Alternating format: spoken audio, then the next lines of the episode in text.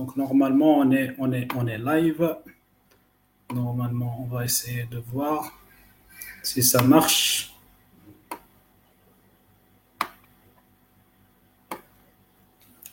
Ok. آه بسم الله الرحمن الرحيم والصلاة والسلام على أشرف المرسلين مشاهدينا ومستمعينا الكرام أينما كنتم؟ السلام عليكم ورحمة الله تعالى وبركاته. عام سعيد صحة عيدكم تعيدوا بالصحة والهنا إن شاء الله. نسأل الله في في هذه الأيام المباركة أن يرفع عنا وعنكم هذا الداء والوباء إن شاء الله مع المحرم. آه أهلا بك في حصة كاش بوليتيك. كاش بوليتيك كاش بوليتيك وهو أول بودكاست جزائري يعنى بالشؤون السياسية. والمحلية والدولية. نحاول فيه رفع اللبس عن العديد من القضايا التي تهم الشأن الجزائري والعالم. هذا البودكاست من تقديم أنا الدكتور يحيى محمد لامين مستاك والدكتور أسامة بوشماخ. اليوم أسامة بوشماخ مسكين راهو مريض وراهي والدة تاعو ثاني مريضة. يا خويا ندعو لها إن شاء الله. طهورة إن شاء الله ندعو لها بالشفاء العاجل. إن شاء الله. آه، سنناقش في العدد الثالث من الفصل الثاني في حصة كاش بوليتيك موضوع لا استراتيجي دو لوتروش اصبرتو خاطر جي جو سي سا. لا استراتيجي دو لوتروش بوست موندياليزاسيون مانجمنت اي راسيوناليتي ايكونوميك ونحاول فيه أن نطرح السؤال أي نمط اقتصادي وإداري نعيشه اليوم؟ هل صحيح انهما صالحين عالميا؟ مع البروفيسور عمر أكتوف من القسم الإدارة مانجمنت من جامعة آشو سي موريال بكندا. بيانفوني ميرسي دافوا اكسبتي لانفيتاسيون شير بروفيسور ميرسي السلام عليكم مبروك عيدكم وسمحوا لي ولكن مع الاسف العربيه نسيت 50 تقريبا 50 سنه في الكونتينون امريكان الله غالب مي En français, on va se comprendre. De temps en temps, s'il faut, j'utiliserai quelques mots de ان شاء الله d'Argent ou de. احنا ماذا بينا شويه درجه شويه باش pour faciliter l'expli- l'explication à pas mal euh, de Si je peux, avec plaisir. Ok. Donc, euh, j'aime- j'aimerais faire euh, une brève introduction euh, du, cher professeur Omar Aktouf. Donc, Omar Aktouf, et, et vous me corrigez si, je, dis des bêtises. Donc, euh, cher professeur Omar Aktouf a, a eu son magistère, a eu deux magistères en fait, de la psychologie et de l'administration, développement économique, un MBA et un PhD en management.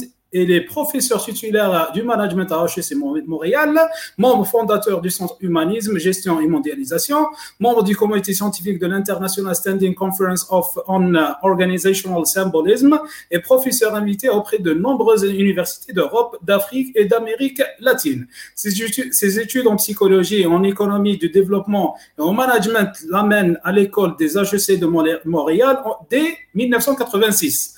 Euh, ses travaux lui ont valu diverses récompenses et distinctions, dont le prix de la recherche en en 1987 de HEC Université de Montréal et le prix de meilleur livre de langue française en économie gestion Québec 2003 pour son ouvrage La stratégie de l'autruche.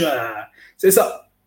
Donc en fait, ce, livre-là, c'est un c'est un délice intellectuel, des mots en fait euh, je- je pense que si j'étais un docteur, je, je, je donne euh, dans mon ordonnance ce livre-là pour, euh, pour améliorer votre intellectuel en économie. On va essayer euh, de faire le tour avec nos chers auditeurs. Donc مشاهدينا الكرام لإثراء النقاش تواصلوا معنا عبر طرح أسئلتكم من خلال هاشتاغ البرنامج كاش بوليتيك مشاهدينا الكرام للأسف سيتم النقاش مع بروفيسور عمر أكتوب باللغة الفرنسية ولكن سنحاول يعني ترجمة أهم أفكاره Donc, si on va, on va essayer de traduire un peu, euh, un peu ce qui est, euh, ma- ma- ماشي traduction littérale, donc on ne peut pas traduire tout, mais certains big ideas euh, وش وش حيحدث لنا professeur Omar Aktouf. Donc, professeur Omar Aktouf, la première rubrique de cette émission, c'est cash أسئلة or cash question. Donc, cash أسئلة or cash euh, question or, or cash questions. La première question, elle est simple, elle, pose sur l'actualité actuelle, euh, sur euh, la crise sanitaire. Donc, quelles sont les implications de la crise sanitaire actuelle sur l'économie mondiale? Et payerons-nous, j'ai envie de le dire, payerons-nous le prix de la crise, cher professeur? Quand vous dites payerons-nous, c'est-à-dire nous, les pays du tiers-monde, euh, les pays arabes, les pays. Oui. Ok, oui, oui, oui, oui, oui. Parce que la, la planète entière va payer de toute façon, mais on ne payera pas de la même façon. pas de façon aussi égale. bon, alors la crise actuelle, ce qu'il faut comprendre, c'est que c'est une crise qui vient des deux piliers euh, Amoudain, il y a deux, euh, deux, piliers à ce modèle. C'est un, euh, le fait de pousser les salaires toujours plus bas, et deux, de pousser le coût des matières premières toujours plus bas. Donc, ce, modèle que des gens présentent comme de la grande science, je sais pas quoi, etc., il se résume finalement à ça c'est chercher à partout dans le monde rendre le coût du travail toujours moins cher et le coût de la matière première toujours moins cher. Alors, qu'est-ce que ça donne, ces deux piliers? Eh bien, ça donne, par exemple, que ces dernières années, nous avons des nouveaux virus qui sont pratiquement fabriqués par cet ordre économique. Euh, je dirais presque des, virus artificiels, si je pouvais utiliser ce terme-là, euh, artificielle parce que euh, confectionnée ou poussée à être confectionnée contre les lois de la nature. Alors comment ça se passe? Je pense que c'est important de comprendre ça. Euh, de la façon suivante. Si vous vous amusez à pousser les salaires toujours plus bas, et on le sait, les salaires les plus bas du monde se trouvent en Chine, en Mongolie, au Vietnam, en Inde. Bon, Philippines, plus ou moins, etc. L'Afrique, bon, ben, n'en parlons pas, l'Afrique n'est même pas encore un petit atelier du monde. Donc, euh, en Chine, par exemple, si vous avez l'ouvrier qui procure le cuir, qui fait des chaussures à Yuan, par exemple, euh, qui lui va chercher ce cuir en matière première là où vivent les animaux, etc., dont il va chercher le cuir ou, ou les fibres de plantes, enfin peu importe, eh bien, il est obligé d'aller toujours plus loin dans la nature, d'aller toujours plus profond, de déranger toujours plus la nature, de déranger toujours plus des espèces qui étaient tranquilles jusque-là, et surtout de détruire les barrières que la nature a construites entre beaucoup d'espèces depuis des millions d'années. Alors, ce qui se passe par exemple pour le Covid-19, euh, la chauve-souris qui a rencontré la civette, qui a rencontré le pangolin, qui a rencontré le lapin, etc., etc., et qui, enfin le lapin sauvage, et puis après domestique, et qui a fait que euh, ces virus de ces espèces qui sont par centaines et qui étaient jusque-là soigneusement séparés par la nature, eh bien le fait de vouloir aller chercher toujours la matière première moins chère, on détruit ces barrières, des rivières, des lacs, euh, des montagnes, euh, des espèces végétales toxiques qui empêchaient tel ou tel animal de, de passer alors qu'elles n'empêchent pas tel autre, etc., etc. Alors voilà comment ces nouveaux virus se fabriquent par la recherche de matières premières toujours, toujours, toujours moins chères, pousser les coûts toujours plus bas. L'autre chose, c'est pousser les salaires toujours plus bas, eh bien, ça fait que cet employé chinois de première ligne, qui, est là dans la nature, a essayé de, trouver la, la, base de la matière, de la matière première, il est payé un salaire tel que c'est juste pour qu'il ne meure pas le lendemain. C'est tout. C'est tout juste survivre. Et encore, dans des conditions d'hygiène lamentables, et à Yuan aussi, dans les villes, on fait un peu mieux, mais il mais, n'y a pas d'hygiène, il n'y a pas de. Ce qui fait que finalement, eh bien, ces virus qui auraient pu rester entre animaux se transmettent à l'homme qui mange mal, qui vit mal, qui dort mal, qui travaille beaucoup, qui est mal payé, qui est, qui, qui en mauvaise santé, qui a de mauvaises dents, qui etc., etc., eh bien, ça fait que cet homme finit par attraper un virus que normalement il n'aurait pas dû attraper. Et alors, le virus devient transmissible à l'humain. Alors voilà la première chose que je voulais dire là-dessus. Alors, euh, pour conclure sur ce problème, parce que j'en ai déjà parlé dans d'autres webinaires, c'est euh, que euh, aujourd'hui, cette crise, devant, devant, devant quoi elle nous met? Elle nous met devant l'obligation, un, de lutter contre les dégâts les conséquences de ce virus. Et on voit bien que ça fait maintenant pratiquement un an, enfin huit mois, six mois, huit mois que ça dure et euh, c'est en train de mettre à genoux euh, des pays et des régions entières. Donc euh, nous sommes dans une situation inédite, économiquement, socialement, écologiquement, etc. depuis quasiment la, fin de la Deuxième Guerre mondiale. La France a par exemple un déficit équivalent à ce qui était, ou la dette, je pense, équivalent à ce qui était là, au lendemain de la Deuxième Guerre mondiale. Et donc, il faut combattre les conséquences de ce virus, et bien entendu, ceux qui vont payer le plus gros prix, c'est toujours les plus faibles, c'est-à-dire ceux parmi les pays du monde qui ne vendent et qui ne mettent sur les marchés que des produits de base, des hydrocarbures, euh, des, fruits, des légumes, des matières premières, du phosphate, des minerais, ceux qui ne font pas de valeur ajoutée. Donc, tout ce qui fait valeur ajoutée, les voitures, les jeeps, etc., la, haute technologie, ce que vous voudrez, que fait le, monde nanti, le premier monde par rapport au tiers monde, eh bien, ça deviendra toujours, toujours plus cher relativement à ce que nous, pays producteurs de, produits de base, euh, échangeons contre ces produits-là. Donc, nous allons nous appauvrir, eux aussi, mais nous, nous allons nous appauvrir beaucoup plus. Et évidemment, euh, comme ils ont euh, les, clés du commerce mondial, vous savez, mondialisation, mondialisation, on n'arrête pas de, répéter ça comme un cabri qui saute et qui, qui bêle, eh bien, il faut savoir que cette mondialisation, sur 100 dollars d'échanges mondiaux, il y a 2 dollars qui vont au tiers-monde. 98 dollars sont partagés entre les pays riches de ce commerce mondial. Donc, et puis, euh, entre multinationales essentiellement et leurs filiales. Donc, il ne faut pas se tromper. La dernière chose, c'est que non seulement il faudra que nous nous battions contre les conséquences de ce virus, et on va payer, on va en payer le prix parce que on a perdu 6, 8 mois de formation, on va perdre encore peut-être un an, deux ans, je ne sais pas, quand il y aura un vaccin, on va perdre des capacités euh, d'intelligence de, fabrication, des capacités d'intelligence de conception, etc., etc., de, rattrapage, entre guillemets, de tout ça. Donc, non seulement ça va stagner, mais on, va reculer. Et on va payer ça un autre prix qui est un recul qui sera, pour l'instant, euh, qui est incalculable. Bon, donc l'autre chose sur laquelle il faudra se battre, c'est arrêter les origines de fabrication de ces virus qui vont continuer à se multiplier.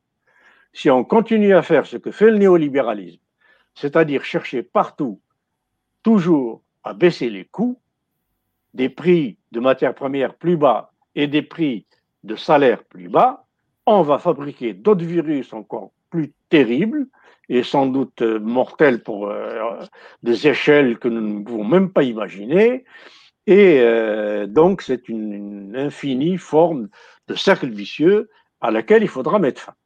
Alors, contrairement à la grippe euh, espagnole de 1918, euh, ils avaient, en 1918, ils, avaient, ils ont mis du temps pour, combattre ce, virus-là, mais c'était un virus que j'appellerais naturel. C'est la nature, c'était la guerre, etc. C'était bon. Mais il n'y avait pas d'activité humaine qui favoriser la fabrication de ce genre de virus. Or, aujourd'hui, nous l'avons. Ça s'appelle le néolibéralisme. Et voilà donc mon diagnostic sur la crise et ses conséquences.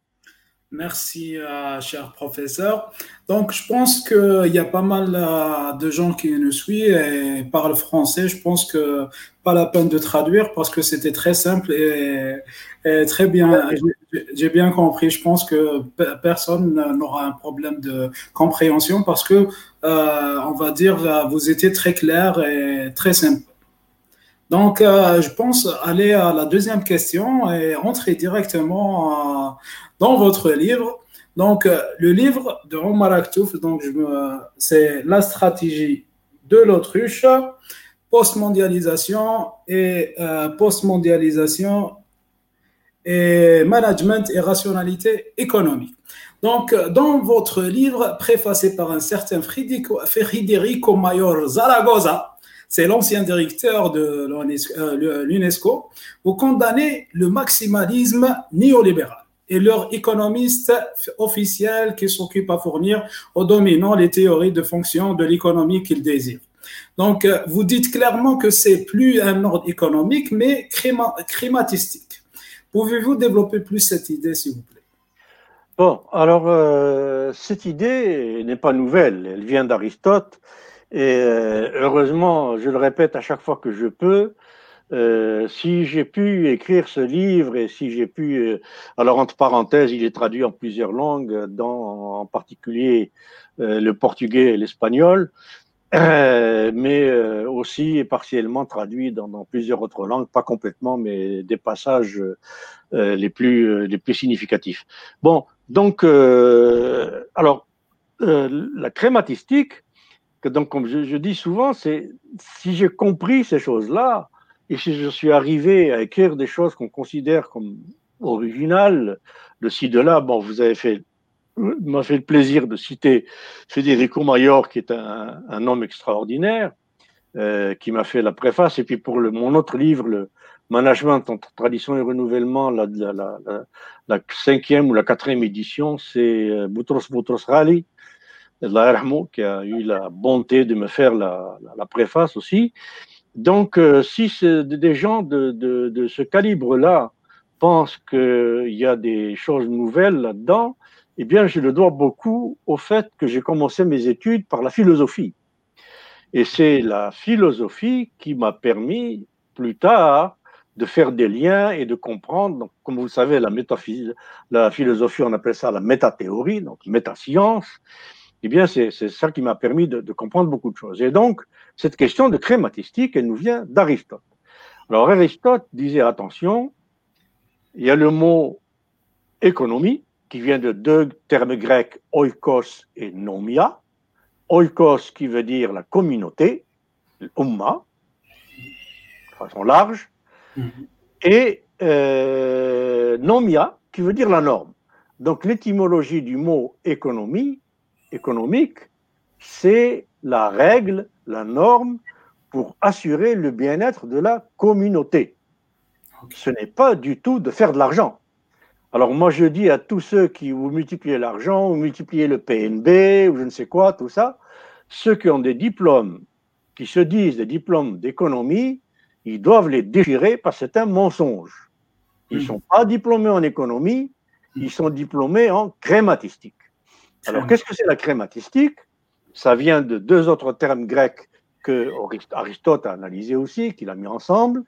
C'est le mot créma, qui veut dire argent, et athos, qui veut dire accumulation, euh, poursuite, etc. Alors, euh, la crématistique, euh, en deux mots, donc les passages là-dessus sont très longs dans le livre, je ne pourrais pas tout résumer, mais en quelques mots, Aristote a attiré notre attention là-dessus à cause de la monnaie. Parce qu'il faut savoir que la monnaie est apparue un, deux siècles avant Aristote, à peu près. Et donc Aristote voyait la monnaie euh, circuler et se répandre en Méditerranée, partout.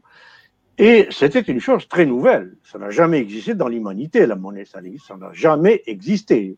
Euh, quelque chose euh, qui a une espèce de valeur universelle qu'on peut échanger contre n'importe quoi, n'importe où, n'importe comment, ça n'a jamais existé dans l'humanité avant la monnaie. Et donc là, Aristote dit cette chose nouvelle qu'est la monnaie est très dangereuse. Un, elle est bonne parce qu'elle facilite les échanges. Il vaut mieux transporter des, des, des, des bourses de, de pièces d'or que des tas de sacs de blé ou de chaussures ou d'huile, etc. Et pour aller faire des échanges, ça, ça facilite ça. Mais l'autre côté qui est mauvais, c'est le fait que la monnaie va donner à l'être humain l'illusion de quelque chose que l'être humain n'a jamais eu jusque-là, qui est l'illusion de quelque chose qui peut s'accumuler à l'infini. Avec la monnaie, l'être humain de Méditerranée qu'observait Aristote, il donne d'ailleurs l'exemple du cordonnier, si je me souviens bien, et il dit le cordonnier maintenant, au lieu de faire des, chaussures avec une, une éthique d'économique, c'est-à-dire de normes de rendre service à mes semblables, à la communauté, il est en train de faire des chaussures avec une éthique crématistique. C'est-à-dire comment je peux obtenir le plus de monnaie possible pour mes chaussures. Et cette monnaie, je peux l'accumuler à l'infini. Alors qu'avant, ce cordonnier ne pouvait pas se dire je vais accumuler des chaussures à l'infini. Ça n'a aucun sens. Ou un boucher accumuler des beefsteaks à l'infini. Ça n'a pas de sens. Mm. Alors donc Aristote a appelé ça la crématistique. Il a dit attention, cette crématistique qui donne l'illusion de quelque chose qui peut s'accumuler à l'infini va donner l'illusion qu'on peut faire de l'infini dans le fini. Parce que notre monde est fini, il n'est pas infini. Donc si on veut faire l'infini dans le fini, et c'est Aristote qui le dit, mm. on détruit. Et on y est exactement aujourd'hui. La Covid, le changement climatique, tout ce qui s'ensuit, c'est le résultat de la destruction de ce que Aristote a appelé la crématistique, qui veut faire de l'infini dans le fini et qui finit par euh, uniquement. Alors moi je dis l'économie aujourd'hui, il n'y a plus d'économie, il y a plus. L'économie aujourd'hui, telle qu'on la pratique dans le monde, ce n'est plus qu'une machine à dérégler les climats, à dérégler la vie des espèces, à dérégler la nature, à détruire et à fabriquer des nouveaux monstres qu'on ne sait plus contrôler. Comme la bourse, par exemple, c'est un monstre que des Frankenstein ont fabriqué qui ne savent plus contrôler. Quand vous voyez que euh, Amazon, je ne sais plus si c'est, non, Microsoft, vaut 2000 milliards de dollars à la bourse, alors que Microsoft, ce, n'est que du virtuel, ce 2000 milliards, s'il sort de la bourse et qu'il se met à être dépensé pour acheter des voitures, des, maisons, du bois, du poisson, de je ne sais quoi, il n'y aura plus de planète. Donc, c'est ça que Aristote appelait la karmatistique. C'est de l'argent qui finit par dépasser ce que la planète même et la vie signifient. Alors, c'est ce que aujourd'hui on dit, par exemple, quand on dit que le nombre de, je le dis dans, ce livre, mais dans l'autre, l'Altogashi qui, qui a apparu après, euh, la valeur totale, le numéraire de, de euh, de, etc., de, produits dérivés, de monnaie, de monnaie fiduciaire, ce qui s'ensuit, qui, virtuel, dans le monde, dépasse dix fois ce qu'on peut appeler la valeur de ce monde. Alors voilà ce que c'est la crématistique. Et évidemment, c'est quelque chose qu'il faut arrêter au, plus, au plus urgent. En fait, euh, merci d'avoir répondu à cette question, mais, j'ai une autre question qui suit cette question, en fait, dans la même logique.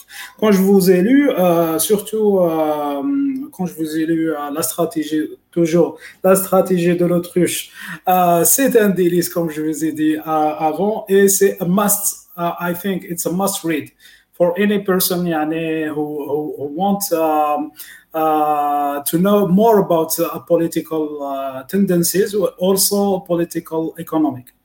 Thank you. Welcome. حبيت برك نسقسيك سي كو كون j'étais en train de vous lire euh, surtout ce passage-là, par rapport à vous, vous, citez euh, qu'il y a pas, il y a plus de 20% euh, de la population mondiale qui qui, qui s'enrichit de plus de 80% de, de, on va dire de, de, de la richesse mondiale ou que profite de plus de 98% de la richesse mondiale. vous citez pas mal de, de références sur ça j'ai pensé que c'est en fait un ordre, euh, c'est la face, c'est une manière globalisante de la pyramide de Ponzi. Ah, ah tout à fait, absolument, absolument. C'est ce que euh, je pense que la formule était de Keynes, si je me souviens bien, de John Maynard Keynes, mm-hmm. qui a été reprise bien des fois après. Euh, c'est l'économie casino. Euh, nous sommes entrés dans la bourse, c'est un casino. Vous savez, quand, vous dites euh, je place de l'argent en bourse, vous placez rien du tout. Vous jouez au casino. Et là, je parlais tout à l'heure de Frankenstein qu'on a fabriqué qui nous dépasse. Et eh bien, dans ce casino qu'est la bourse, il y a des ordinateurs qui prennent des décisions en, en milliardièmes de seconde, en nanosecondes. Alors, euh, écoutez, il n'y a aucun cerveau humain qui peut comprendre ce que c'est qu'une nanoseconde. Alors, on ne sait plus ce qui se passe dans une bourse. Il n'y a pas un cerveau humain qui peut comprendre ce qui se passe aujourd'hui dans une bourse. On ne comprend pas. Les algorithmes qui sont dans les ordinateurs et qui décident de vendre ou d'acheter telle action, tel produit, telle valeur, tel produit dérivé, tel ceci, en milliardième de seconde, l'être humain est complètement évacué. On ne sait plus du tout où on est. On a fabriqué donc plusieurs monstres qui nous dépassent. Cette machine économique néolibérale qui est devenue une machine beaucoup plus à destruction qu'à construction. Et ça, j'attire l'attention puisque euh, c'est autour de ce livre qu'on parle, donc la stratégie de l'autruche. Le chapitre 6 est un chapitre où euh, je fais la démonstration euh, par la physique, la biophysique et la biochimie de l'intuition d'Aristote sur le fait que la crématistique, l'argent virtuel, est plus dangereux que l'argent qu'on fait en faisant de l'argent avec des chaussures ou comme il appelle, l'appelait lui, la valeur d'usage ou la vertu physique naturelle des objets. Alors voilà donc pour euh, répondre à cette deuxième question. J'espère que c'est clair. C'est clair, c'est tout à fait clair. Euh, on, va essayer, en fait, euh, je ne veux pas spoiler les, les téléspectateurs euh, pour votre livre. Je vais essayer de prendre, euh, comme je vous ai dit euh, oui, une fleur par une fleur de chaque jardin. C'est vrai, c'est vrai qu'il y, a beaucoup de choses dans ce livre, beaucoup beaucoup de choses. Mm. Et les traducteurs qui m'ont traduit, bon, portugais, espagnol et autres, m'ont dit non seulement il y a beaucoup de choses, mais dans chaque phrase il y a quatre ou cinq idées différentes. C'est vrai. Alors les pauvres traducteurs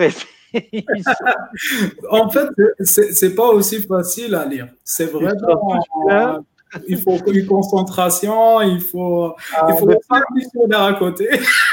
mais, paradoxalement, j'ai reçu beaucoup, beaucoup de témoignages de gens qui m'ont dit qu'ils n'ont jamais touché un livre d'économie, hmm. qui pensaient que l'économie c'était une science ésotérique, extrêmement compliquée, extrêmement savante, tout ça. Et ils m'ont dit en vous lisant, même si je n'ai pas tout compris, eh ben, j'ai compris beaucoup de choses. Et merci, maintenant je comprends quand on veut me faire avaler des couleuvres. C'est vrai. En fait, en fait, en fait euh, si, si, je me permets à évaluer votre livre, c'est tout le début, il est très, très simple. Donc, quand vous arrivez à chapitre 6, quand vous parlez directement à la thermodynamique et tout, ah, c'est un autre niveau. Ça.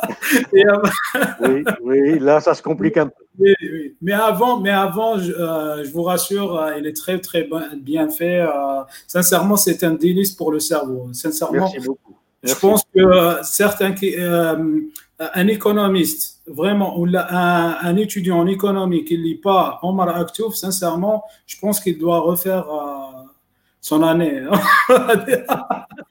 sincèrement, parce qu'il nous, il, nous bourre le crâne avec, euh, avec d'autres, d'autres économistes, alors qu'on a, nous, Algériens, notre propre économie. Économie et gestion, c'est ça le problème.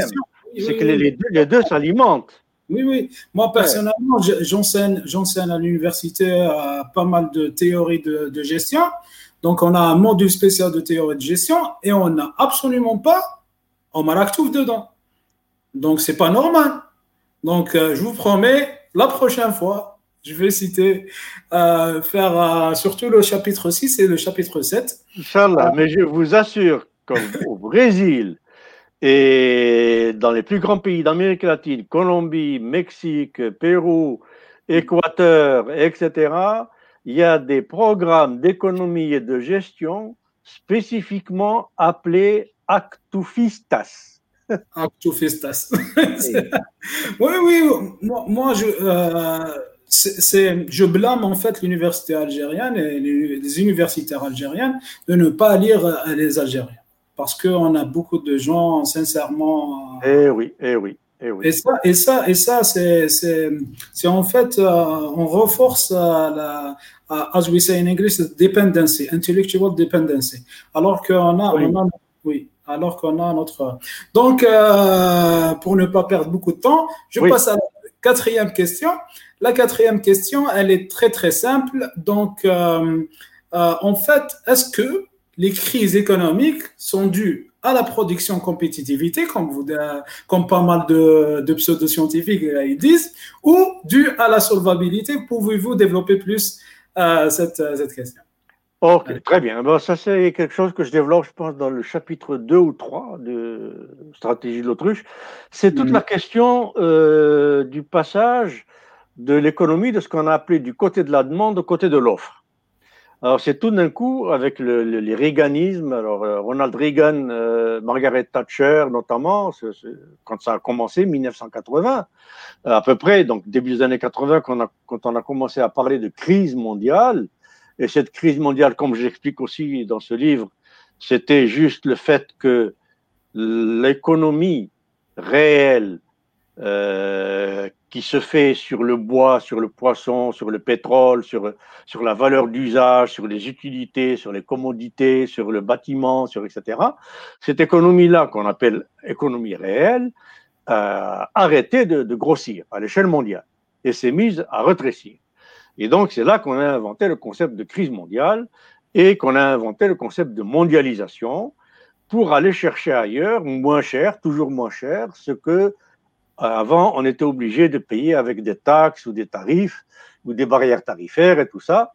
Donc la mondialisation a consisté à, passer de la valeur d'usage à la valeur d'échange encore plus, donc du côté de la demande au côté de l'offre encore plus, tout simplement pour faire en sorte que les pays qui ont le pouvoir et qui ont euh, la puissance puissent aller chercher dans les autres pays ce qu'ils veulent, comme ils veulent, quasiment gratuitement. Donc, ouvrez vos frontières, plus de tarifs, plus de, droits de douane, plus de, lois de finances euh, contraignantes, plus d'obligations de payer d'impôts, plus de rien du tout. Et c'est le renard qui rentre dans les poulaillers, qui fait ce qu'il veut, comme il veut. Alors voilà donc un peu ce, que c'est que cette euh, crise euh, compétitivité ou solvabilité, ça, vient déjà de là. Bon, maintenant, euh, l'économie, il faut bien comprendre, comme l'a démontré le, grand Keynes, mais je pense que c'est une idée qui date depuis la naissance de, la pensée économique déjà chez les physiocrates. C'est une question d'équilibre. Euh, Keynes a appelé ça l'équilibre des ascenseurs. L'ascenseur de la demande et de l'offre, il monte, il descend, et puis il faut que quelque part ils se rencontrent pour qu'il y ait donc euh, équilibre dans l'économie, qu'il n'y ait pas inflation, déflation, stagflation, etc. Enfin, tous les chômages, etc. Chômage, bon, tous ces fléaux économiques. Bon, donc, alors là, euh, cet équilibre a été déjà rompu euh, dès la, fin de la Deuxième Guerre mondiale. Il y a eu les 30 glorieuses qui ont été les 30 années d'expansion de, de, euh, du capital à travers le monde euh, grâce à la Deuxième Guerre mondiale et au plan Marshall et tout ce qui s'ensuit, et l'American Way of Life. Et donc, à partir de là, l'économie du côté de la demande est devenu un frein pour ceux qui vivaient de l'économie du côté de l'offre. Alors, euh, comment? Je, je m'explique. L'économie du côté de la demande, c'est une économie qui se base d'abord et avant tout sur la qualité, la durabilité de la solvabilité des citoyens. C'est ça le côté de la demande. Autrement dit, comme a fait Keynes pour sauver les États-Unis de la crise de, 1930, il a dit à Roosevelt de faire travailler des millions d'Américains à creuser des trous et à les reboucher et à leur donner des salaires. Alors vous dites ça à n'importe qui, euh, creuser des trous et les boucher, ça n'a aucun sens. Ben, il vous dira, oui, ça n'a aucun sens, mais ça a du sens. C'est que ça rétablit l'économie du côté de la demande les salaires que le gouvernement américain de Roosevelt, de la Roosevelt, euh, imprimait et donnait à ces gens, donc des citoyens, qui creusaient, qui bouchaient, des trous, c'était de l'argent qui servait à, acheter, à acheter du pain chez le boulanger. Donc, ça fait que le boulanger peut acheter de la farine et continuer à faire du pain. Ça fait de l'argent qui fait acheter du beefsteak chez le boucher. Donc le boucher peut continuer à acheter des vaches, à les transformer en beefsteak, etc. C'est de l'argent qui sert à acheter des chaussures. Donc, ça fait que le cordonnier peut continuer à faire.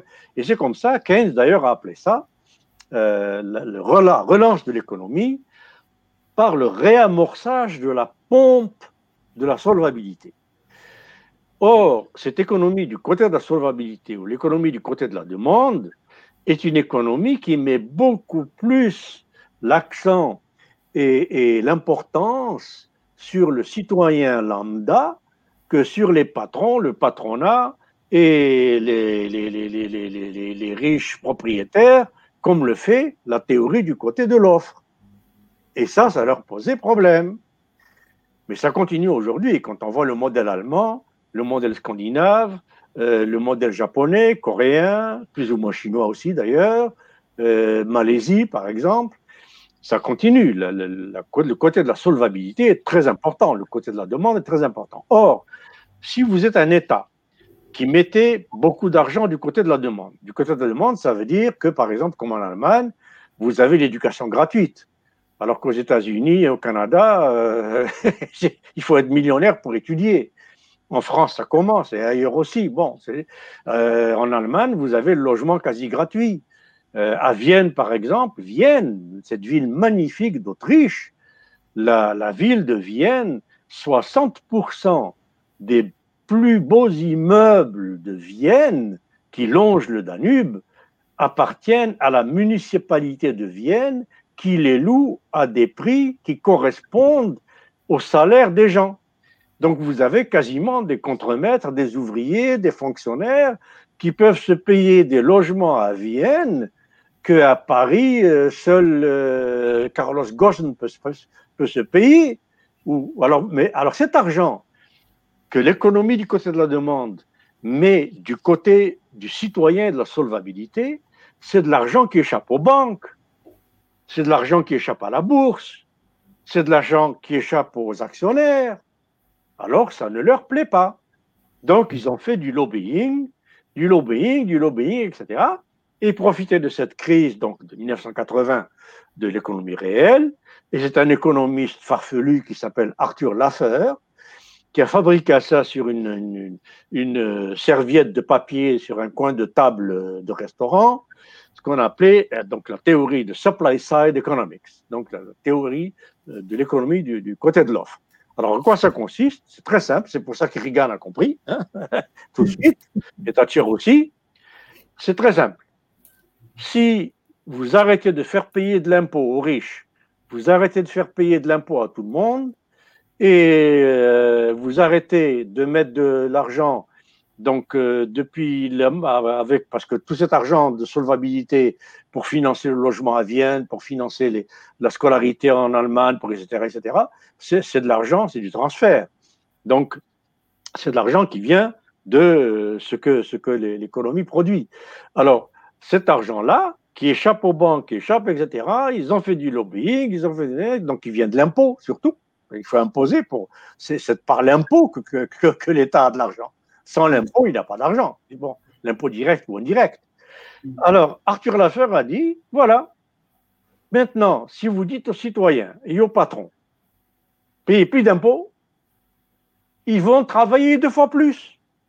Parce qu'au lieu de se dire je travaille si je paye 50% d'impôts sur mon revenu, comme moi par exemple, comme professeur, je paye 50% sur mon salaire. Bon, je me dis, je travaille six mois par an pour moi et six mois par an pour l'État. Mais moi, je m'en fous, parce que je sais que ce six mois par an que je travaille pour l'État, que je donne à l'État, c'est de l'impôt qui ira financer de l'instruction de gens qui n'ont pas d'argent pour euh, payer l'université, il ira financer les hôpitaux publics, il ira financer, etc. C'est à ça qu'il sert. Mais donc Arthur Laffer, avec cette simplicité et ce simplisme inouï, il pond cette nouvelle théorie qu'on a appelée le supply side economics. Donc, arrêtez d'imposer euh, le côté de la production et ils vont produire plus parce qu'ils vont se dire je travaille 12 mois par an pour moi. Donc, je fais plus. Et s'il fait plus, tout le monde fera plus et tout le monde aura plus. Mais, mais ça ne marche pas comme ça. Celui qui fait plus, il le garde pour lui. L'actionnaire qui a aujourd'hui 10-15% de rendement chez Walt Disney ou chez General Electric, ben l'an prochain, il veut 20%. Il ne se contente pas de 15% qu'il va aller mettre dans le marché pour, pour, alimenter l'économie euh, du côté de la demande. L'autre effet pervers de l'économie du côté de l'offre, c'est qu'elle hyper concentre le capital et l'épargne disponible entre toujours de moins en moins de mains. Et en fabriquant de plus en plus de riches, de, plus de moins en moins nombreux, et de plus en plus riches, aujourd'hui 1% des habitants de la planète possèdent quasiment 80% de la richesse de la planète. 1% ou 4% du Canadien possèdent la moitié du Canada. Les États-Unis, n'en parlons pas. Donc, alors ça, c'est ce qu'on appelle le paradoxe de John Hobson, un autre économiste euh, antérieur, un peu antérieur à Keynes, anglais, qui a dit l'économie, donc euh, avant, on n'appelait pas ça l'économie de l'offre à l'époque du côté de l'offre, mais il, avait déjà prévu, il a devancé cette, cette problématique. Il a dit L'enrichissement individuel, c'est le cimetière de l'économie et du capitalisme. Alors je répète cette phrase. Elle n'est pas de Marx, elle n'est pas de Lénine, elle est de John Hobson, un économiste anglais, qui dit, d'ailleurs son livre s'appelle Imperialism, il dit, l'enrichissement individuel, c'est le cimetière de l'économie et du capitalisme. Pourquoi? Prenons un exemple simple, bête. La famille Bill Gates, Microsoft. 2000 milliards de dollars. Cette famille, admettons qu'ils sont deux époux, quatre enfants, deux chiens, deux chats, chauffeurs. Bon, ils sont combien dans cette famille? 10 personnes? 12 15 personnes? Qu'est-ce qu'ils vont faire avec 2000 milliards de dollars? Tout ce qu'ils font avec ce 2000 milliards de dollars, c'est qu'ils thésaurisent, ils concentrent entre leurs mains de l'argent qui ne va pas dans les poches de ceux qui ont besoin de consommer. Ce que John Hobson a appelé la réalisation physique de l'économie ou la réalisation de la consommation physique de l'économie. C'est-à-dire que si on laisse à Bill Gates et à Microsoft, je sais pas moi, 500 millions de dollars, et le reste de, de, 2000 milliards, on le distribue aux Mexicains, aux Hindous, aux Africains, aux Latino-Américains et tout ça, eh bien les Africains, du jour au lendemain, vont acheter euh, 1000 milliards de kilos de, de, sucre et de café et de miel, et ils vont du jour au lendemain supprimer le chômage au Brésil, et du jour au lendemain supprimer le chômage en Colombie, etc., etc. Donc voilà comment l'économie du côté de l'offre, supply side economics, c'est cette histoire simpliste de ne pas faire payer l'impôt, donc encourager les gens à produire plus. Mais tout ce que ça fait, c'est que ça hyper concentre l'argent entre de moins en moins de mains. C'est ce qu'on voit aujourd'hui. Ce que Thomas Piketty a appelé les inégalités, ce mm. dont le Fonds monétaire international, la Banque mondiale, etc., se plaignent. Tout disent Davos dernièrement, on dit que le plus grand danger de l'humanité aujourd'hui, c'est qu'il y a trop d'inégalités. Le problème, c'est pas qu'il y ait des inégalités. Les inégalités, il y en a toujours eu. Hmm. Et le problème, c'est l'ampleur. Si moi, ouvrier de Mercedes, je peux m'acheter une petite Volkswagen, si toi, patron de Mercedes, tu peux t'acheter deux Mercedes, ça va, pas de problème. Hmm. Mais si moi, ouvrier de General Motors, je peux même pas m'acheter une bicyclette. Et toi, patron de General Motors, tu as 5 avions, 12 jets personnels, 56 euh, Rolls-Royce. Ça va pas. Donc, l'amplitude des inégalités, c'est le résultat de cette économie du côté de l'offre que j'analyse, je pense, dans le chapitre 3 du livre. Où, euh, et puis, Thomas Piketty, il a confirmé tout ce que j'ai dit euh, quelques 20 ans ou 30 ans après. C'est vrai. Euh, en fait, euh, dans votre livre, La stratégie de l'autruche, c'est un paradis de citations. vous dites clairement que John Kenneth Galbraith, si on, prononce bien, donc il dit il n'existe aucune, aucun processus ni problème économique qui ne puisse être formulé en langage clair et mis à la portée du, lecteur cultivé et intéressé. Donc, pourquoi l'économie aujourd'hui est compliquée euh, Est-ce qu'il faut mathématiser la réflexion pour qu'elle soit vraiment scientifique? Alors là, c'est l'une de mes, de mes, grandes batailles. Hein. Dans mes autres livres, euh, notamment dans Méthodologie des sciences sociales, euh, critique du modèle classique, j'explore beaucoup ce problème de la quantification et de la mathématisation. Eh bien, oui, John Kennedy Galbraith, feu, paix à son âme, un des plus grands économistes du XXe siècle, euh, son fils James, euh, qui est aussi un très grand économiste, qui est professeur à la Austin University, Texas State, et qui travaille, figurez-vous, euh, le, le, le, gros de son travail, James, donc le fils, mhm. c'est euh, sur les mensonges des calculs et des statistiques en économie. Il a écrit des livres et des livres là-dessus. Comment mhm. tous ces calculs et toutes ces statistiques ne veulent rien dire, sinon des mensonges, ce, qui est plus grave. Alors donc, John Kennedy Galbraith a dit ça parce que John Kennedy Galbraith a écrit un, un bon, tous ses livres sont extraordinaires.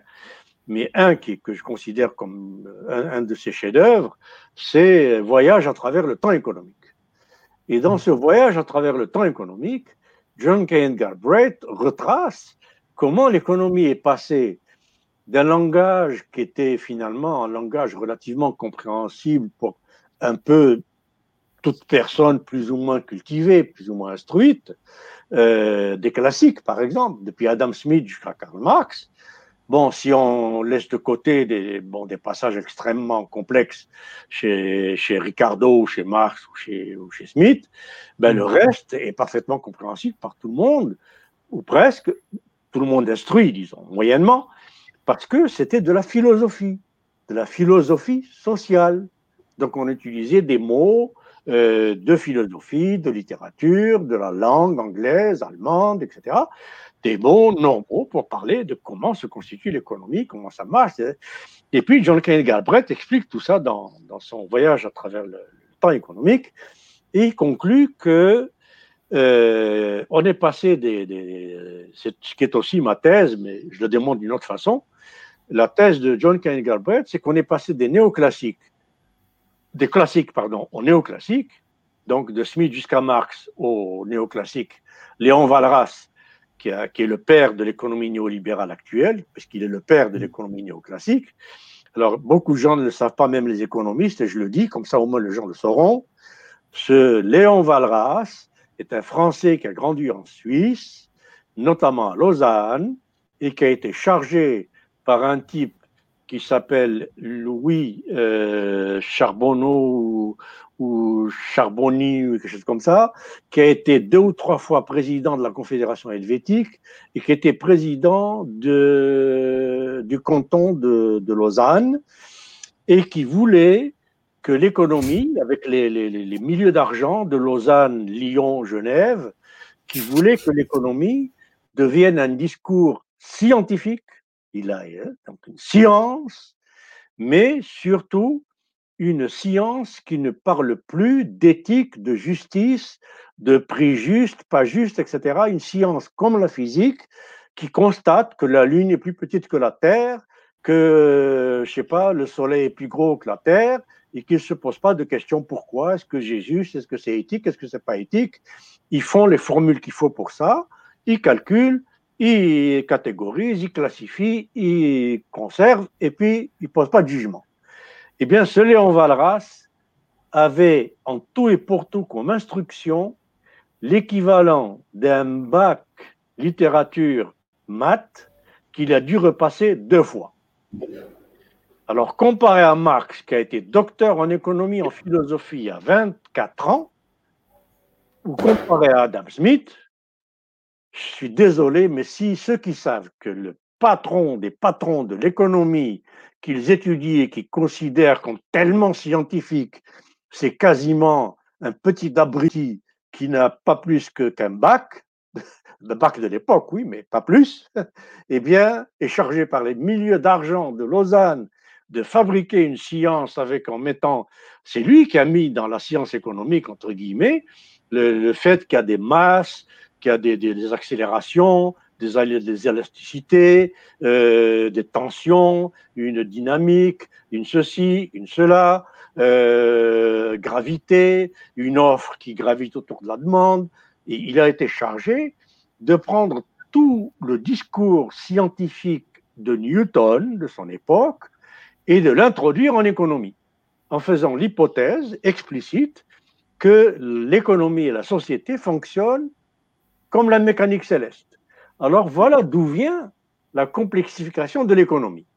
On a évacué son côté philosophie sociale, discours sur ce qui se passe entre des humains avec un langage humain, et on a voulu introduire un langage qui vient de l'astronomie, de l'astrophysique, de la, euh, donc de la mécanique céleste et tout ça, et plus tard des équations subatomiques, donc les équations de Maxwell, le, calcul multivarié, tout ça, qui sont faites, des équations qui sont faites pour rendre compte du comportement d'électrons. Et les équations de Newton sont faites pour rendre compte, en fait, d'électrons et de particules subatomiques je parle de la mécanique quantique et de, donc de tout ce qui fait l'économétrie et les équations multivariées qu'ils utilisent notamment en économétrie et en statistique probabiliste. Et l'autre, euh, au niveau macro, la, le langage de, de, la physique a été introduit donc pour parler du, macro, du, du supra-atomique. Or, c'est un langage, les deux en physique ne se mélangent pas quand vous parlez de physique en termes newtoniens, vous ne pouvez pas y agréger des considérations de physique de type Maxwell ou euh, Boltzmann ou euh, Niels Bohr. Ça n'a aucun sens. Mais en économie, on mélange les deux en plus. Alors cette complexification a été recherchée pour faire en sorte que le public admettent que l'économie, c'est une science. Et aujourd'hui, le management, parce que c'est pour ça que je mets économie, management, moi, avec un trait d'union, les deux s'alimentent. Michael Porter en est un exemple parfait. Hmm. Michael Porter a fabriqué, Porter a fabriqué une théorie de l'entreprise, de la compétitivité, blablabla, qui alimente sa théorie de la compétitivité des nations, laquelle théorie de la compétitivité des nations invente des concepts, etc., de chaînes de valeur, de ceci, de cela, international, multinational, qu'il applique aux entreprises. Et en étudiant les cas d'entreprise, il revient au macro. Donc le macro alimente le micro, et le micro alimente le macro, et ainsi de suite, avec quelque chose qui n'a plus de sens. Alors on, complexifie pourquoi Albert Jacquard, paix à son âme, l'a dit aussi très bien, c'est pas compliqué on rend quelque chose complexe alors que c'est simplissime, tout simplement pour faire croire que les gens qui s'occupent de ça, c'est des grands savants. On fait croire aux gens qui font des MBA, j'ai fait un MBA, je sais ce que c'est. On fait croire aux gens qui font un MBA que c'est des super savants omniscients qui savent tout sur tout, alors que c'est des semi-ignorants qui savent pratiquement rien sur rien, sinon aligner des formules auxquelles très souvent ils ne comprennent rien et même pas les origines, y compris leurs professeurs, très souvent. Bon. Donc, comme l'a dit Albert Jacquard, on a complexifié tout ça pour que le citoyen moyen croit que les patrons qui se mettent des milliards dans les poches, c'est des énormes savants. Que ceux qui s'occupent de gestion, qui, d'économie, qui édictent la théorie, c'est des énormes savants compliqués, qui connaissent des choses que personne ne connaît, et que donc, si tu es chômeur, tu es chômeur et tu te tais. Alors on fait un discours, et moi je peux vous produire, reproduire tous les discours d'économie complexe comme on le fait là pour justifier l'injustifiable. Par exemple, on invite un expert économiste dans une émission populaire de télévision pour expliquer pourquoi le chômage augmente en Algérie, par exemple en France ou je ne sais pas quoi. Mm. Alors cet expert, il commence étant donné le déséquilibre entre les flux nets de transactions non consignées de moyen de paiement euh, excédentaire, secondaire ou d'approvisionnement fiduciaire et souvent non fiduciaire, tout cela fait que, par exemple, les balances des paiements courants font que aujourd'hui euh, la balance commerciale n'arrive pas à équilibrer euh, ce qu'il faut entre le fait que les actionnaires doivent faire tant de revenus sur leur capital pour que le capital continue à produire des usines et des biens et des services, etc., etc. Ce qui fait que tu es chômeur et tu fermes ta gueule. Voilà. Merci, Karim. enfin. C'est pas compliqué c'est vrai, en fait. En fait, il y a aussi, euh, euh, si, vous partagez ma réflexion par rapport à des indicateurs euh, qui utilisent beaucoup plus la Banque mondiale, la famille, qui, qui, essayent de, de, faire, de, calculer la performance d'un État en utilisant les, des indicateurs purement des entreprises. C'est absolument absurde. Mais bien sûr que c'est absurde. La performance, attends, je vous donne un exemple, bon, un peu, un peu tiré par les cheveux mais qui est parlant. Euh, j'ai lu récemment un truc qui circule sur l'Algérie, sur Air Algérie, où on nous dit Air Algérie est une compagnie complètement inefficace, une compagnie complètement euh, absurde, de, enfin, mettez tous les adjectifs que vous voudrez, euh, gérée comme, comme des, des, idiots, enfin, mettez tout ce que vous voudrez, incompétents, hein, comparé à Royal Air Maroc. Alors, hmm. qu'est-ce qu'on donne comme justification? Royal Air Maroc fait des profits alors qu'elle n'a que 3000 employés, si je me souviens. 3000 employés. Hmm. Hmm. Air Algérie fait des pertes et elle a 35 000 employés. Alors voilà des raisonnements absurdes auxquels on nous a habitués. Alors moi je dis, donnons à Royal Air Maroc les 30 000 ou 32 000 familles que nourrit Air Algérie avec ses salaires, donnons-les à Royal Air Maroc. Est-ce que Royal Air Maroc va être compétitif Va être efficace? Qu'est-ce que l'efficacité? Il faut revenir à tout ça. Qu'est-ce que ça veut dire être efficace? Calculer l'efficacité d'un pays à travers l'efficacité de ses entreprises, c'est calculer, euh, je sais pas moi, la bonne santé d'un poulailler à partir de l'engraissement du renard. plus le renard s'engraisse, plus le, le, poulailler est foutu. Bon, alors, donc, euh, je dis, écoutez, est-ce que une compagnie qui nourrit qui fait que 35 000 familles algériennes ont un toit, ont une petite voiture, se nourrissent, se vêtissent, se vont à l'école, se soignent. Et cette compagnie, ben, just too bad, elle ne donne pas de dividendes à ses actionnaires. Pourquoi est-ce que cette compagnie est considérée moins efficace qu'une compagnie équivalente qui ne nourrit que 3000 familles et qui donne des milliards à 12 actionnaires. Pourquoi? Hmm. Alors voilà comment cette histoire d'efficacité, alors le PNB par exemple, le, le, PIB, le PNB, alors peu de gens savent pourquoi on est passé par exemple du PNB au PIB.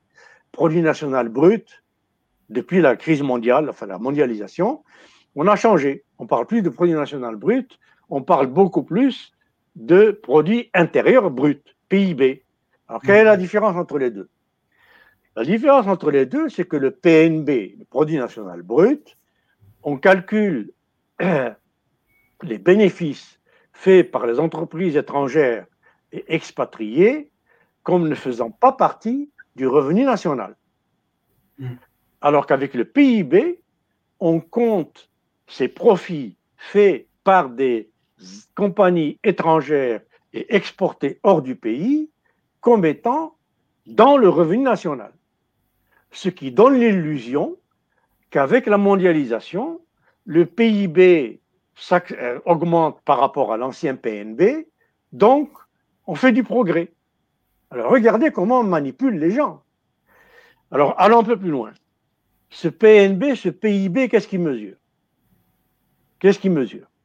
Alors, je peux parler de, dizaines d'indicateurs, depuis l'inflation jusqu'au taux de chômage, en passant par la stagflation ou la déflation, tout ce que vous voudrez.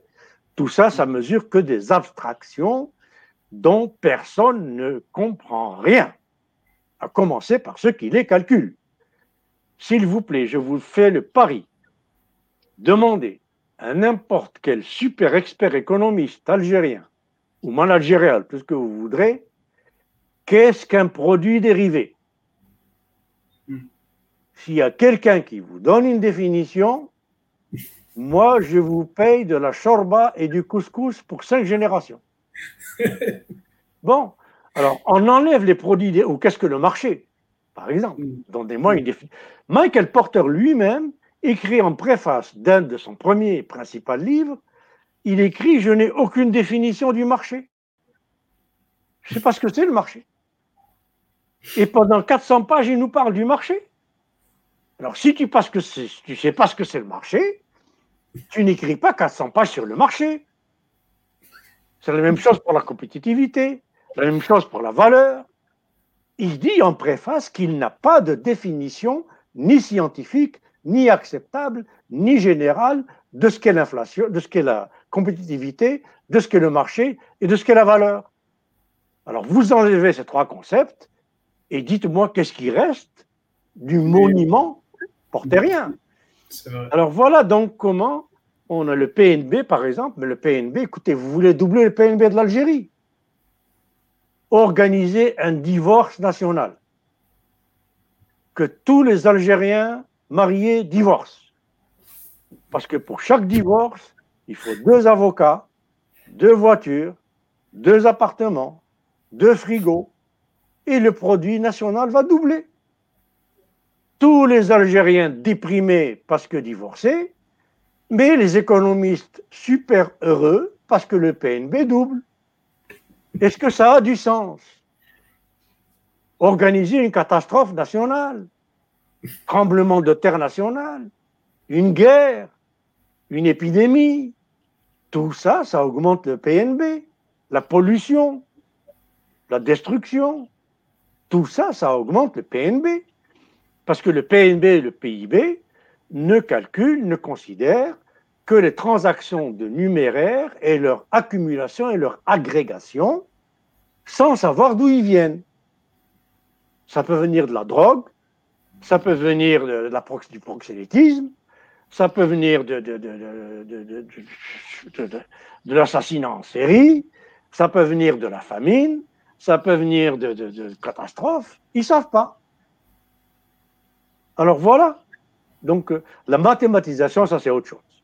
Alors la mathématisation, c'est se donner l'illusion en quantifiant et en chiffrant qu'on est scientifique.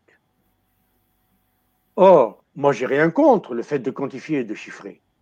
Mais il faut quantifier et chiffrer ce qui est quantifiable et chiffrable. Dans une entreprise, par exemple, qu'est-ce qu'on peut quantifier et chiffrer qui fait vraiment la, valeur de l'entreprise mais Je suis désolé, mais ce qui fait la valeur, le pilier de la valeur de n'importe quelle entreprise, c'est ce qu'il y a dans la tête de ses employés. C'est tout. C'est pas les ordinateurs, c'est pas les machines, c'est pas les murs, c'est pas rien, c'est pas le patron, c'est pas rien, c'est ce qu'il y a dans la tête de ses employés et de ce qu'ils en font. Alors comment on peut calculer ça? Comment? Alors, on remplace ce qui est incalculable par ce qui est calculable. Alors, on peut calculer la vitesse de production de pièces par minute. Oui, mais saber produire vite, ça ne veut pas dire produire bien. Hmm. Il vaut mieux produire très peu et bien que énormément et mal. Ça n'a pas de sens. Or, les chiffres poussent toujours à la maximisation. Il faut maximiser le profit, le chiffre d'affaires, etc. Hein.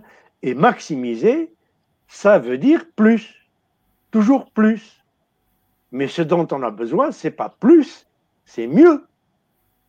Alors voilà, l'autre problème avec la mathématisation, c'est que la mathématisation sert à, décrire. Vous voulez connaître l'âge moyen des employés dans une entreprise, il n'y a pas de problème. La taille moyenne des employés, le nombre moyen d'enfants par employé, tout ce que vous voudrez, il n'y a pas de problème. Mais c'est une description.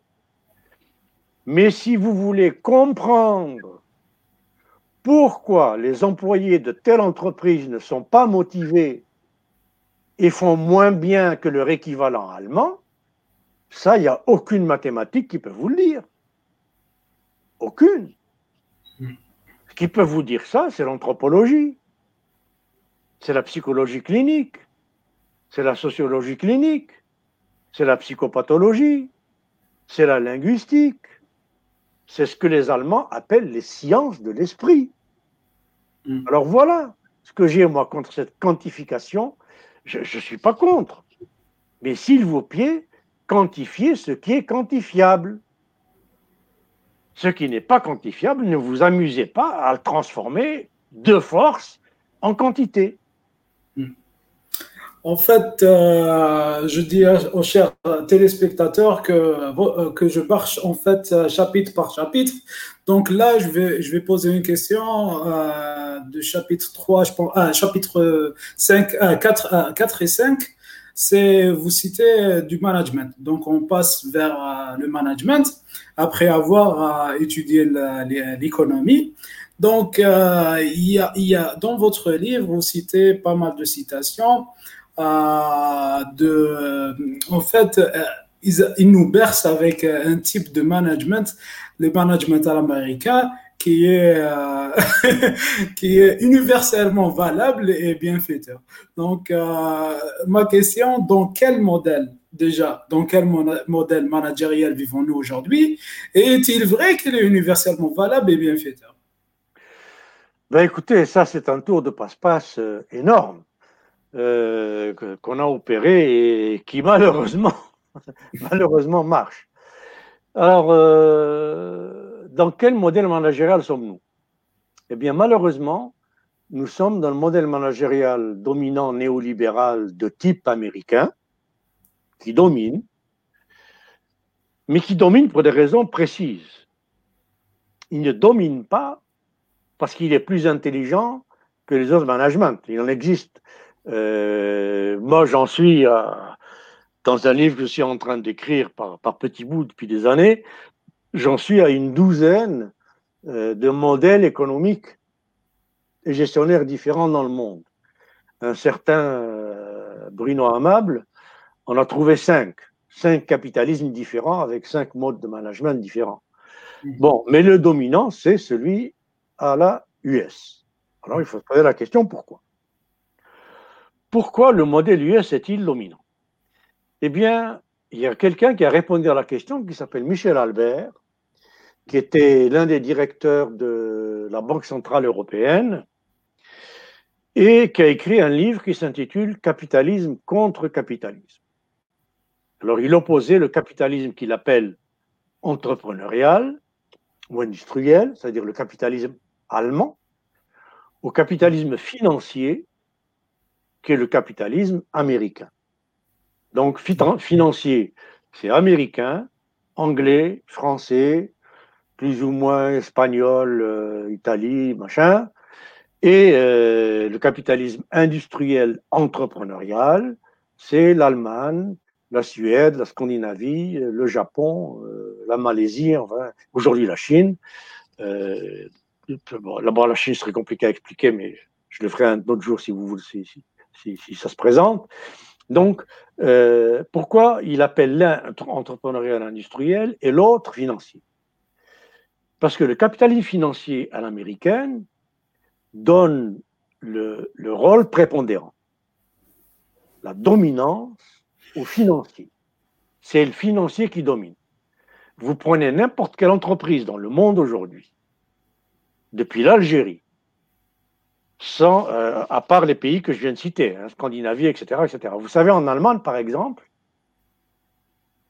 un PDG, un PDG sur trois de toute entreprise allemande a commencé comme ouvrier Je ne dis pas un ingénieur ou un économiste ou un super comptable qui a fait un stage ouvrier. Je dis qu'il a commencé comme ouvrier. Il a commencé comme électricien, ou mécanicien, ou peu importe. Et avec le système dual, qui est un système qu'ont adopté les Japonais, les Scandinaves, la Corée, la Malaisie, etc. La Chine à sa façon, puisque la Chine copie beaucoup le Japon et la Corée sans le dire. Donc, euh, le système dual, c'est vous avez au moins une journée par semaine où vous pouvez aller étudier à l'université ce que vous voulez ou presque. Alors, vous êtes mécanicien, vous n'êtes pas condamné à être mécanicien toute votre vie. L'entreprise dans laquelle vous travaillez comme mécanicien est obligée par la loi allemande à vous payer une journée par semaine pour aller étudier l'informatique. Et au bout d'un an, vous passez de mécanicien à informaticien. Après, vous étudiez la finance. Au bout de deux ans, vous passez de mécanicien à informaticien spécialisé en finance. Et puis au bout de 25 ans, ben, vous pouvez devenir PDG de votre, de votre entreprise. Jamais dans les entreprises allemandes, scandinaves, japonaises, jamais on ne recrute personne, entendez-moi, jamais on ne recrute personne dans une entreprise autrement qu'à la base. Le fils du patron, s'il n'a qu'un permis de conduire, il est recruté comme chauffeur de camion. Point à la ligne, à la base.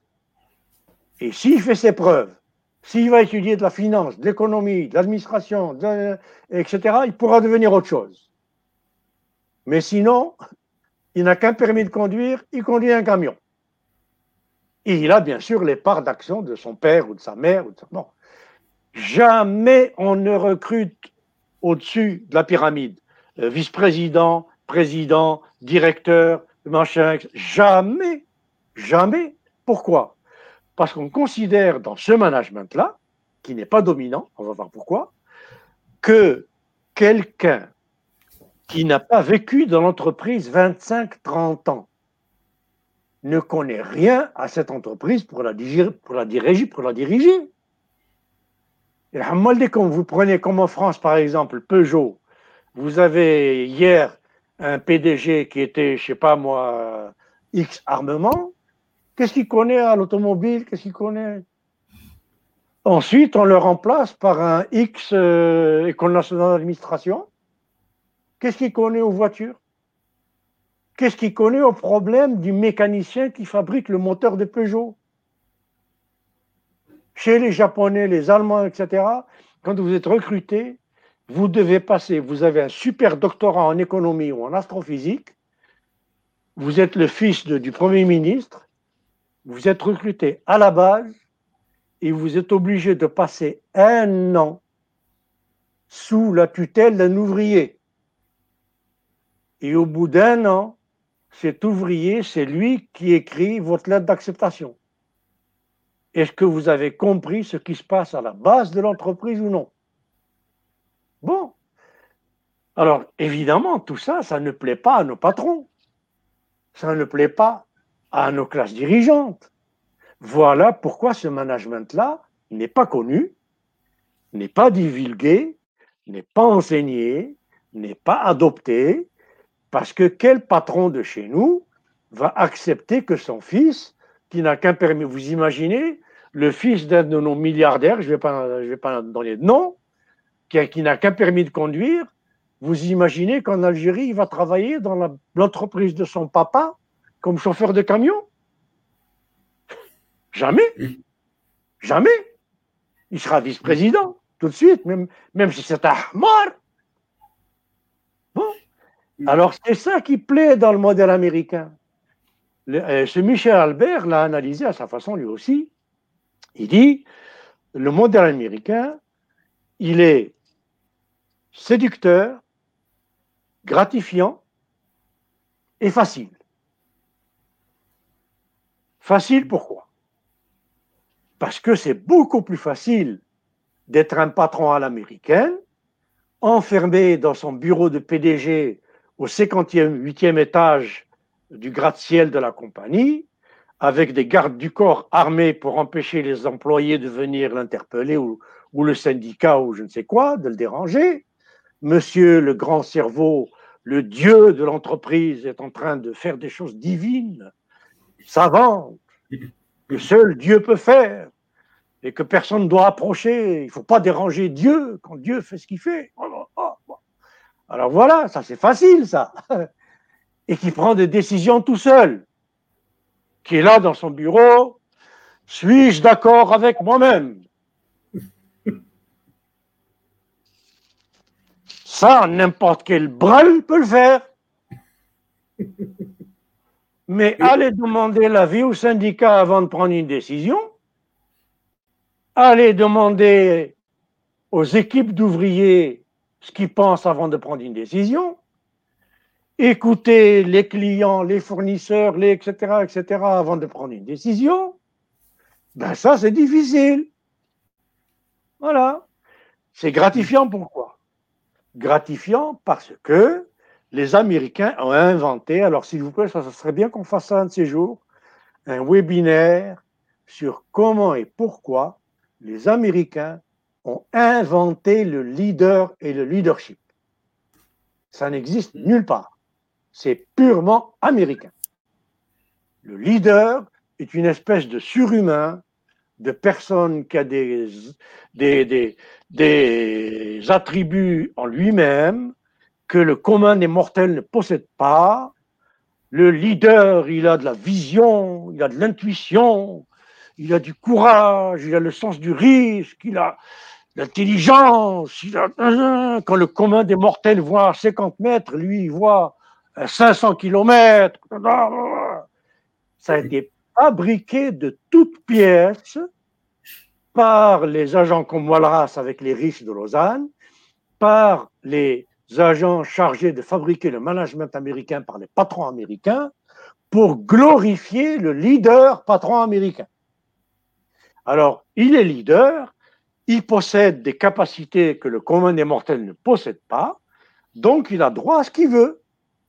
Il a droit à un jet personnel, il a droit à un yacht personnel, il a droit à 50 maisons, il a droit à un salaire de, de 500 millions par an, il a droit à, etc., etc., etc., gratifiant. Et ensuite, séducteur, parce que c'est très séducteur de se faire dire, par exemple, moi je connais des tas de patrons en Algérie ou ailleurs qui sont prêts à payer 100 000 dollars par jour un hakim gharbi qui vient d'une université gharbia, Harvard, Stanford, HEC Paris, et qui vient dire à ce patron algérien, vous êtes un stratège. Moi, j'en connais beaucoup qui sont prêts à payer 100 000 dollars par jour juste pour se faire dire ça. Alors voilà ce que c'est le modèle américain. Il est facile, gratifiant et séducteur. et séducteur. Et en plus, c'est un modèle qui, grâce à l'idée de marché, le marché fait tout. Alors moi, je défie quiconque de me démontrer il est où ce marché, qu'est-ce qu'il veut dire. Bon, mais ça c'est notre emploi. Aussi parler du marché, d'ailleurs j'en parle dans mon livre. Comment mhm. le marché, ça n'existe pas? C'est une fiction totale. John Kay Galbraith l'a dit, Keynes l'a dit, Paul Samuelson l'a dit, je ne suis pas le seul. En tout cas, donc c'est un modèle qui permet la corruption, qui permet les rétrocommissions, qui permet les trafics, qui permet les détournements, qui permet de s'enrichir vite, alors ça, ça plaît à nos classes dirigeantes. Donc nos classes dirigeantes en Algérie ont infiniment plus intérêt à ce qu'on enseigne dans les écoles de gestion et d'économie ce que disent des Mintzberg et d'autres dont je ne veux pas citer le nom même parmi la, notre diaspora, que du Omar Aktouf. Ils ont beaucoup plus intérêt à un modèle qui leur permet à eux de s'enrichir, de corrompre, de se faire corrompre, de etc., de tricher, de détourner de ceci, que par un modèle où on ne peut pas faire ça. Le modèle allemand, par exemple, que tous les autres ont, copié là, du modèle industriel euh, et entrepreneurial, il y a toute une série de lois qu'on appelle les lois de la cogestion, qui sont inscrites dans la Constitution. Et il y a parmi ces lois une qu'on appelle la loi du comité de surveillance.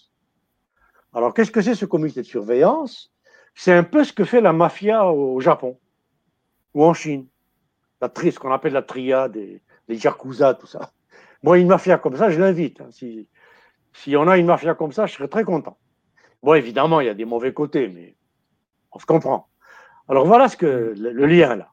Le lien, c'est que le comité de surveillance a inventé, les lois sur la cogestion ont été inventées par Bismarck en 1870. Parce que Bismarck, qui a fait la réunification allemande, avait peur que l'Allemagne devienne communiste. Parce que les deux pays qui allaient devenir communistes fin du 19e siècle, c'était l'Angleterre et l'Allemagne, hmm. suivi de la France. Pourquoi? Pas la Russie. Parce que c'était les pays où il y avait le plus de prolétariat organisé, instruit, et de syndicats organisés, articulés. Hmm. Et Bismarck a appliqué un conseil de Machiavel, Machiavel qui dit au prince, si tu vois venir la révolution, et si tu veux l'éviter, fais-la. Fais la révolution avant qu'on la fasse contre toi. Alors il a appliqué ce principe, il a demandé aux chefs de syndicats et patrons des partis de gauche allemands, qu'est-ce que le communisme va vous apporter? Ils ont dit, ben, le communisme va nous apporter euh, le contrôle sur le profit. Qu'est-ce qu'on fait avec le profit? Non, la première chose qu'ils ont demandé, c'était l'assurance maladie. Avec le communisme, on pourra faire en sorte que n'importe quel Allemand puisse se soigner. Aujourd'hui, avec les risques se soignent. Eh bien, Bismarck a fait promulguer en 1870 la première loi de gratuité des soins et de médicaments universels du monde. En 1870. Ah, il dit ensuite, alors, après l'assurance maladie, qu'est-ce que le communisme va vous apporter? Ben, Il va nous apporter le contrôle sur ce que les patrons font avec le profit. Ben, je vous donne le comité de surveillance. Qu'est-ce que c'est ce comité de surveillance? C'est un comité paritaire, et tout fonctionne par comité paritaire en Allemagne et en Scandinavie. Tout, tout paritaire. Ça veut dire s'il y a 10 représentants de la direction et des actionnaires d'un côté, il y a 10 syndicalistes et employés de l'autre côté. Et les 20 ont le même pouvoir de décision sur tout, absolument tout. Et ce comité de surveillance, qui est composé moitié, donc au Japon et en Chine, il y a un peu la mafia qui se mêle de ça. Les Yakuza, par exemple, en Chine, au Japon, font beaucoup leur argent, pas sur la drogue, le, vol et le proxénétisme. Vous allez à Tokyo, vous vous baladez à 4 heures du matin avec votre portefeuille qui déborde, il n'y a personne qui va vous approcher. Allez à New York à 6 heures du soir avec un billet de 20 dollars qui dépasse de votre poche et vous risquez d'être tué. Bon, mais ça, peu de monde le sait. Alors la mafia là-bas, c'est beaucoup plus, ils taxent les patrons d'entreprise comme les samouraïs avant, taxaient les, euh, shoguns, les princes, euh, les, princes guerriers. Eh bien, donc, la mafia japonaise a tout intérêt à ce que les patrons japonais ne trichent pas sur les comptes. Donc, depuis l'Assemblée générale jusqu'à l'établissement du bilan, la mafia est présente pour surveiller que le patron japonais ne triche pas sur les chiffres pour se mettre plus pour que le 10% ou le 5% qui va à la mafia soit moindre que normal. voilà. Des choses qu'il faudrait savoir, malheureusement. Bon, mm. alors donc, euh, comité de surveillance, vous imaginez, depuis l'achat, le, le, bon d'achat, le magasin, le bon d'achat, magasinier, jusqu'au directoire, ce comité, moitié employé syndicat, moitié euh, actionnaire dirigeant, surveille tous les comptes, tous, jusqu'au bilan. Ce qui fait que il n'y a pas un patron allemand qui peut déclarer plus de pertes qu'il ne fait et en profiter pour licencier. Ce que n'importe quel patron algérien, français, anglais, américain peut faire, parce que je le sais très bien avec moi, MBA en économie, euh, pardon, euh, mes études d'économie, de comptabilité, finance, etc., vous avez jusqu'à 40 méthodes comptables différentes qu'on enseigne officiellement pour tricher et modifier vos comptes comme ça vous arrange. D'ailleurs, je ne sais pas si vous si c'est connu, ça, il y a une blague qui dit, en Amérique, ici, en Amérique du Nord, comment on recrute un bon comptable, un bon comptable financier. On lui pose la question, 2 plus 2, ça fait combien? Celui qui répond, ça fait ce que vous voulez, c'est celui qu'on recrute. ok. Euh, en fait, euh, on, a, passé le temps, en fait, 1h26, mais, mais, il reste deux questions. Euh, donc, on va essayer d'être d'être bref, si vous plaît. Donc, là, écoutez, là, je vais vous citer Noam Chomsky. Mhm. Et puis d'autres, je pourrais aussi, mais Noam Chomsky essentiellement qui a écrit là-dessus. Vous savez, quand on tient un discours qui est ce que j'appelle le DMIG, le discours minimum interprofessionnel garanti, si je parlais comme Michael Porter, si je parlais comme Minsberg, comme etc., etc., tout ce qu'on vient de dire, on l'aurait dit en 10 minutes. C'est normal. en 10 minutes, tout le monde comprend compétitivité, tout le monde comprend profit, tout le monde comprend leader, tout le monde comprend, pas de problème. Et Chomsky dit, quand on a un discours qui va à l'encontre de ce discours minimum qu'on a incrusté dans la tête des gens, ça prend du temps. C'est obligé. Voilà, c'est une parenthèse. Ok. Donc, euh, on va essayer. Euh, donc, prenez tout votre temps, en fait. non, je ne vais pas abuser. Je ne vais pas abuser. ok. Donc, euh, j'ai essayé dans cette question de regrouper euh, pas mal de chapitres, donc euh, du, quatrième jusqu'à septième. Donc, vous avez parlé de l'argent, du marché, de l'humanisme, de la mondialisation et aussi de l'abolition des salaires. Donc, quelle est votre perception dans tout cela? Vous, vous, allez à, chaque mot, dans, vous parlez de l'argent, après du marché, après de l'humanisme, quand vous voulez. Prenez votre temps. Allez-y. Euh, merci, merci beaucoup. Euh, donc, oui, l'abolition du salariat. Alors, quand on entend ça, on saute au plafond. Euh, s'il n'y a pas de salaire, qu'est-ce qu'on devient? Mais il faut comprendre d'où vient cette notion, qu'est-ce qu'elle veut dire. Alors, avant d'aller plus loin, je vais citer un Américain, professeur d'économie au MIT, Massachusetts Institute of Technology. Donc, c'est aussi aussi haut que Harvard ou tout ce que vous voudrez, qui s'appelle Martin Wiseman. Martin Wiseman, qui a écrit The Economy of Share. Ça a été écrit début des années 80, si j'ai bonne mémoire.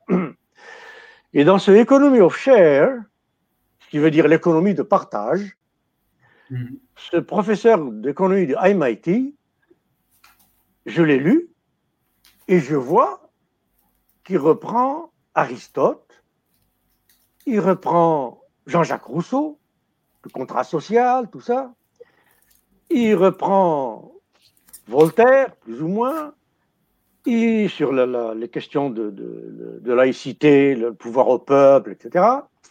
Il reprend euh, Marx, mais il ne les cite pas, jamais, dont l'abolition du salariat. Or, l'abolition du salariat est une notion qui, remonte à la Grèce antique, qui, remonte à, la Grèce classique, donc la Grèce d'Aristote. Hmm. Euh, cette question du, salariat, évidemment, on n'en parlait pas de cette façon à l'époque, à l'époque d'Aristote. Euh, on parlait de oikonomike, l'économie, oikonomia, qu'est-ce que ça veut dire, à quoi ça sert? C'est euh, comment faire en sorte d'assurer le bien vivre ensemble. C'est ce qu'on appellerait aujourd'hui de la bonne gestion ou de la bonne gouvernance. À l'époque, Aristote, ça s'appelait le bien vivre ensemble. Donc, comment assurer le bien vivre ensemble en état de communauté, comme il disait Aristote. Alors, le bien vivre ensemble en état de, communauté, on a des passages autant d'Aristote que dans Platon, que dans Xénophon, euh, qui a fait tout un, tout, un développement sur la théorie de la motivation, quasiment quatre siècles avant Jésus-Christ, on trouve des passages extraordinaires où, par exemple, il est question de ce bien vivre ensemble qui n'est possible que si et seulement si il y a respect avec un grand R, respect avec un R majuscule, énorme de la dignité de tout un chacun, depuis le moissonneur jusqu'au propriétaire de l'oikos. Parce que l'oikos, c'était aussi la grande ferme, la, grande maison. La... Bon, Ulysse possédait un oikos. Bon. Mm. Et donc, ce bien vivre ensemble passait par le fait de partager de façon équitable, pas égale, pas unanime évidemment, mais équitable, le fruit du labeur commun. Ce qui exclut toute idée de salariat. Ça, ça veut dire que, je sais pas, moi, comme moi, j'ai vécu quand j'étais jeune dans la campagne. Il y avait des gens qui travaillaient dans, les camps réfugiés au Maroc. Bon, passons. Mais dans les campagnes marocaines, par exemple, des gens qui travaillaient comme Khammes. Hmm. Khammes, qu'est-ce que c'était? C'est quelqu'un qui touchait le cinquième de la récolte du patron. Si la récolte est grande, la part du patron est grande, mais le cinquième du dernier ouvrier, elle est grande aussi il n'y a pas de salaire. Hmm. Voilà, c'est ça. Alors quand on parle d'abolition du salariat, alors Marx l'a repris, parce que Marx a repris Aristote énormément, évidemment, la, Grèce classique, tout ça. Mais hmm. Marx dit, le salariat, c'est l'assassinat de la dignité humaine. Pourquoi? Hegel va l'expliquer, d'ailleurs Marx tire ça de Hegel, enfin, l'origine, l'explication le salariat, c'est transformer l'acte humain en un acte calculable. Et quand on transforme l'acte humain en acte calculable, on change complètement de perspective entre êtres humains. L'acte humain, c'est quelque chose qui s'apprécie. Ça ne se calcule pas à partir du moment où on décrète que ça ne s'apprécie plus, mais ça se calcule, on réduit l'être humain au statut d'objet. Ce n'est plus un sujet. C'est un robot comme Taylor dont on calcule le mouvement des muscles, etc., etc. Et donc la calcul, Max Weber aussi, il va faire beaucoup de développement là-dessus, sur la calculabilité des actes humains.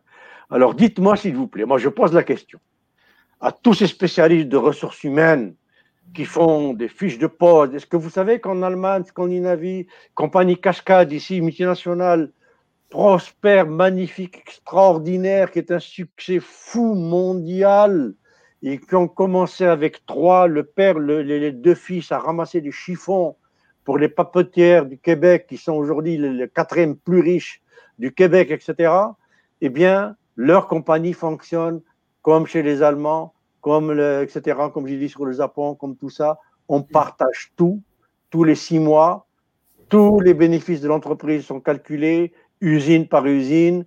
Si ça augmente de 30%, on augmente les primes de tout le monde de 30%.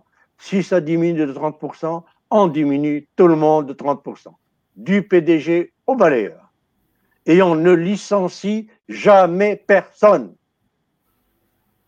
ce qu'a fait Volkswagen, par exemple. Voilà un bon cas. Volkswagen, quand il y a eu la fusion avec l'Allemagne de l'Est, Volkswagen a hérité de l'industrie automobile est-allemande, qui était une catastrophe.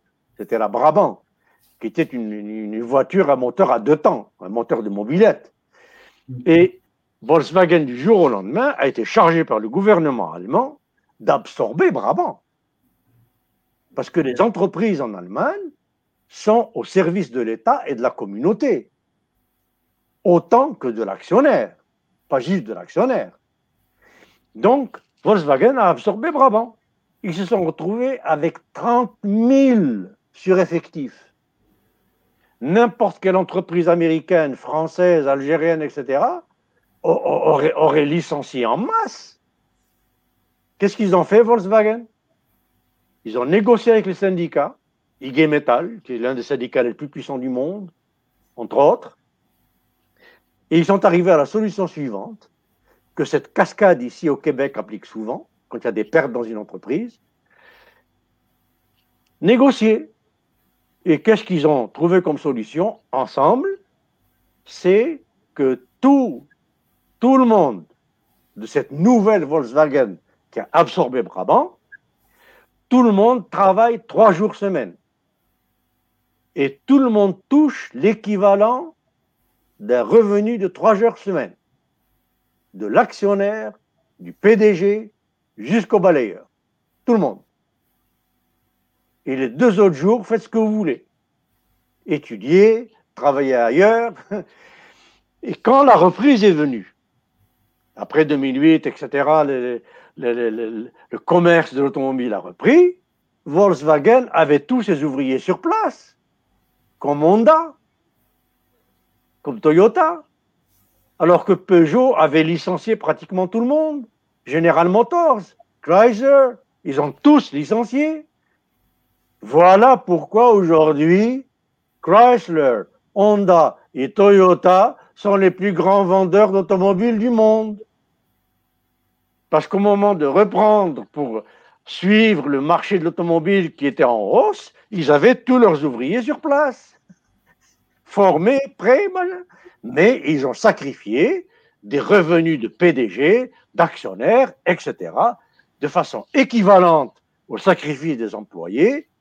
Alors, voilà ce que c'est l'abolition du salariat ou euh, ce qu'on peut mettre derrière l'abolition du salariat. Ce n'est pas une question de juste à partir de maintenant, il n'y a plus de salaire. Pas ça du tout.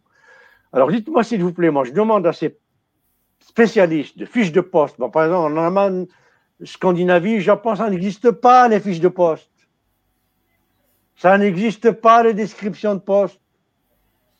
Il n'y a même pas de titre. Toyota, il y a quatre échelons hiérarchiques. Quatre. L'ouvrier, directeur d'usine, directeur régional, PDG. Le PDG de Japan Airlines touche un salaire inférieur à celui de ses pilotes parce qu'il dit ceux qui font marcher la compagnie, ce sont ceux qui font voler les avions, c'est pas moi. Moi, je suis là pour faire en sorte qu'ils aient des bons avions. Donc, c'est normal qu'ils touchent plus que moi.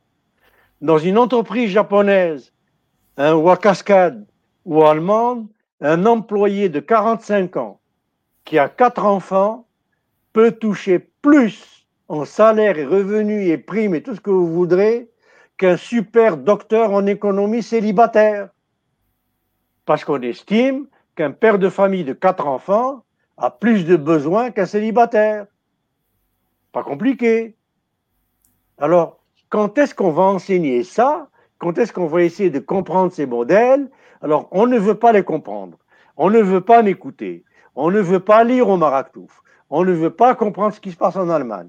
On ne veut pas comprendre ce qui se passe en Scandinavie, ni au Japon, ni etc., parce qu'on veut le modèle américain. Point à la ligne, parce qu'il arrange ceux qui en profitent. Et c'est tout. Bon, alors, euh, donc, ce Batil Weizmann reprend l'idée de Marx d'abolition du salariat. Et l'idée de Marx, c'est dans le sens que je viens de dire, c'est-à-dire qu'on paye à tout le monde de quoi survivre et de quoi vivre, pas de quoi survivre, de quoi vivre, tant qu'on produit, etc.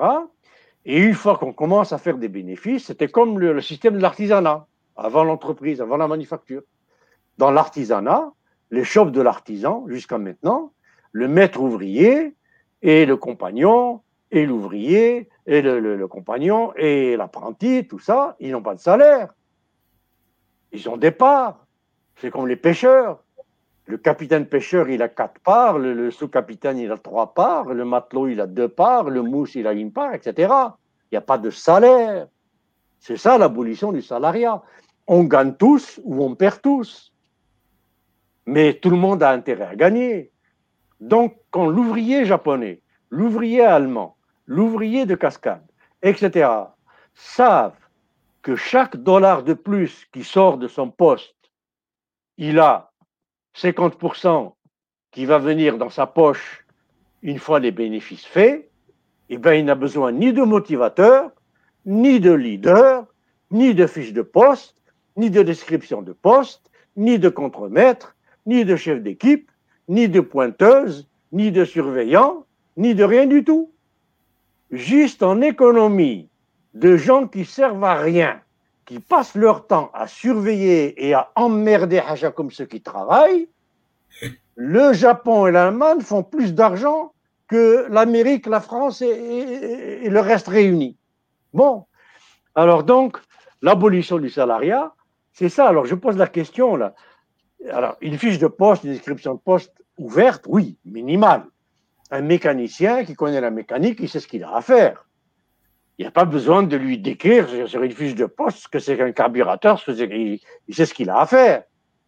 Mais une fiche de poste ouverte. Si tu veux faire plus, tu veux aller dans la partie électrique, la partie électronique, vas-y, essaye, pas de problème. Tu fais des erreurs, maléches, mais tu deviens polyvalent tu remplaces ton voisin s'il n'est pas là, s'il est malade, si ceci, si cela. Bon, voilà comment ça marche. Alors, l'abolition du salariat, c'est aussi tout ça. Donc, je repose la question à tous ces spécialistes de, calcul, de salaire. Et ça, mais, wow, quel cerveau il faut, hein Calculer la valeur des actes de sang semblables. Vous êtes marié? Oui. À combien vous chiffrez les actes de votre dame? Je peux pas, c'est inchiffrable. Et comme euh, la, joie, la joie que vous donnent vos enfants? On ne peut pas. Bon, mais on prétend calculer les actes d'une secrétaire. Mm. Qui, parmi tous ces spécialistes de calcul, de salaire, de blablabla, bla, bla, bla, moi je les mets au défi dites-moi s'il vous plaît, que vaut le geste de faire ça 8 heures par jour? C'est vrai. Qu'est-ce que ça vaut? Qui peut me le dire? Et comme, comme dit, je pense à vous citer une citation de Nietzsche euh, dans votre livre. Euh, c'est, euh, je pense, quand il y a un truc. attends, je vais essayer de la, de la trouver. En fait, vous parlez de la valeur et des prix dans cette citation. Donc, ils disent que chaque, euh, chaque personne ou chaque, euh, chaque objet qui a, qui, a, qui, a, qui a un prix n'a pas de valeur. Ce qui a de, ce qui a de la valeur n'a pas de prix. Ce qui a de la valeur n'a pas de prix. Ce qui a de la valeur n'a pas de prix. Bon, donc voilà, alors la calculabilité, c'est contre ça que Marx se révoltait. Donc l'abolition du salarié est venue de là, dans, son, dans l'acceptation moderne. Donc, le passage de l'artisanat à la manufacture a transformé l'apprenti, compagnon, etc., qui est là pour devenir un jour maître ouvrier. Alors, quand on compare l'artisanat et l'entreprise, on fait des bêtises qui n'ont aucun sens. On n'a jamais vu une entreprise où, par exemple, je sais pas moi, l'ouvrier de General Motors qui rentre aujourd'hui chez General Motors et qui un jour deviendra PDG de General Motors. Jamais dans, une, dans un atelier d'artisan, vous rentrez comme apprenti, un jour ou l'autre, vous remplacez le maître artisan et vous ouvrez votre propre échoppe et ainsi de suite. Bon, donc là, il n'y a pas de salaire. On partage le fruit euh, du labeur commun. Alors, l'abolition du salariat, c'est un peu ça. Marx, Weber, etc. Euh, disent, bon, ben, Hegel, calculer l'acte humain, c'est l'assassiner c'est le transformer en objet chiffrable. Ça n'a pas de sens. L'acte humain, il faut l'apprécier quand vous allez voir une secrétaire avec, bon, je dire une secrétaire, un ouvrier, un employé, un machiniste, n'importe, un chauffeur, sans aucun mépris ni rien, mais vous allez le voir avec un énorme sourire et un bouquet de fleurs ou un paquet de gâteaux en lui disant eh, je suis tellement content de, de, travailler avec vous, vous êtes tellement sympathique, vous, vous, faites tout ce que vous faites avec tellement de cœur et de. Mais ça vaut tous les salaires. Ce qui ne veut pas dire qu'il faut remplacer, remplacer ça par le salaire. Hein. Ça n'a rien à voir. Mm. Pas de bonnes paroles, mais ça vient en plus. En plus, qu'on appelle la reconnaissance. Une dernière mode la reconnaissance. Tu payes ton employé un salaire de crève pour qu'il ne meure pas le lendemain, mais avant de crever, tu lui dis Je te suis reconnaissant. mais, c'est ça, mais je vous jure, les théories managériales que je lis aujourd'hui sont des théories de fous. Et j'ai fait dans ma vie aussi un master de psychologie clinique. J'ai fait de la psychanalyse. Je peux vous dire que c'est des, théories de malades mentaux. Bon, mais, on y va. Hein. Alors, donc euh, l'abolition du salariat, Martin Weizmann la reprend mm-hmm. dans ce sens, mais il cite jamais ni Marx ni personne. Alors je lui ai écrit à l'époque, il n'y avait pas de mail, il n'y avait pas de machin, il avait pas de. Je lui ai écrit et je lui ai dit mais écoutez, tel passage c'est Marx, livre 2 du Capital, tel passage c'est Hegel, tel passage c'est Rousseau, le contrat social, tel passage c'est Pourquoi vous ne citez pas ces noms? Alors il me répond, est-ce que vous allez être dans tel congrès d'économie euh, du mois de juin ben, Je lui réponds oui, j'y serai. Il me dit j'y serai aussi, on parlera de ça. Alors j'arrive au congrès, et évidemment, bon, tout, le monde, il y a les noms des, intervenants, des tout ça, donc je trouve facilement son nom, tout ça, et le mien qui est dans un atelier. Bon.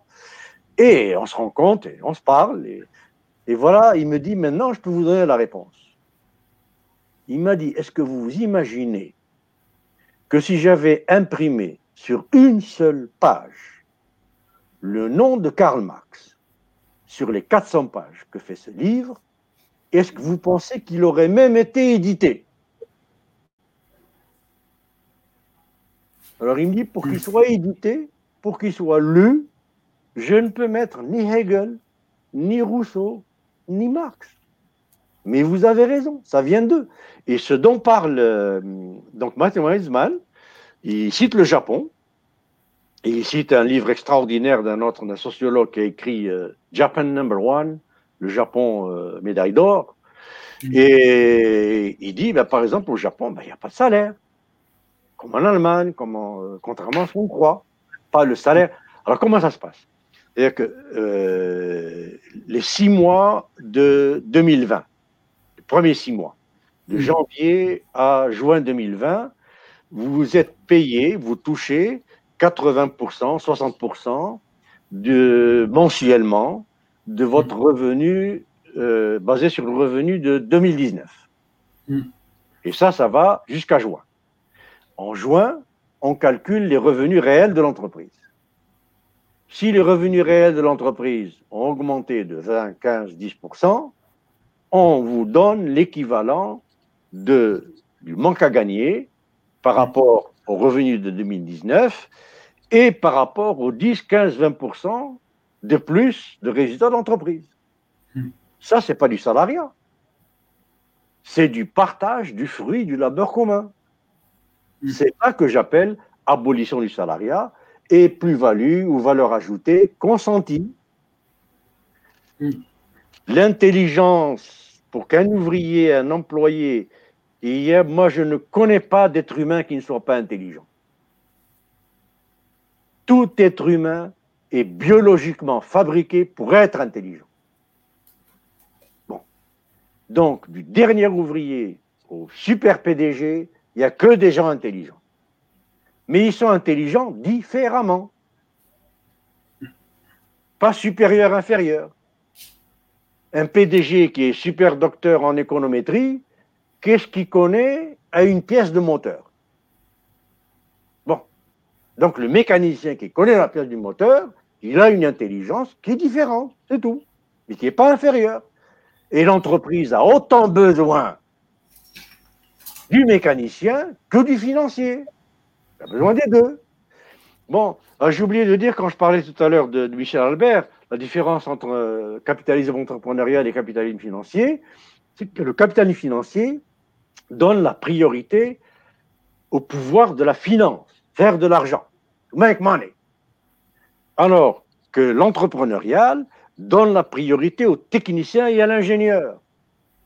C'est ce qui est développé dans un livre d'un célèbre économiste américain qui n'est malheureusement d'origine norvégienne, qui s'appelle Thorstein Veblen, qui s'intitule The Theory of the Firm, et où il explique comment les financiers, les comptables, les gestionnaires, les PDG, les dirigeants sont les parasites de l'entreprise.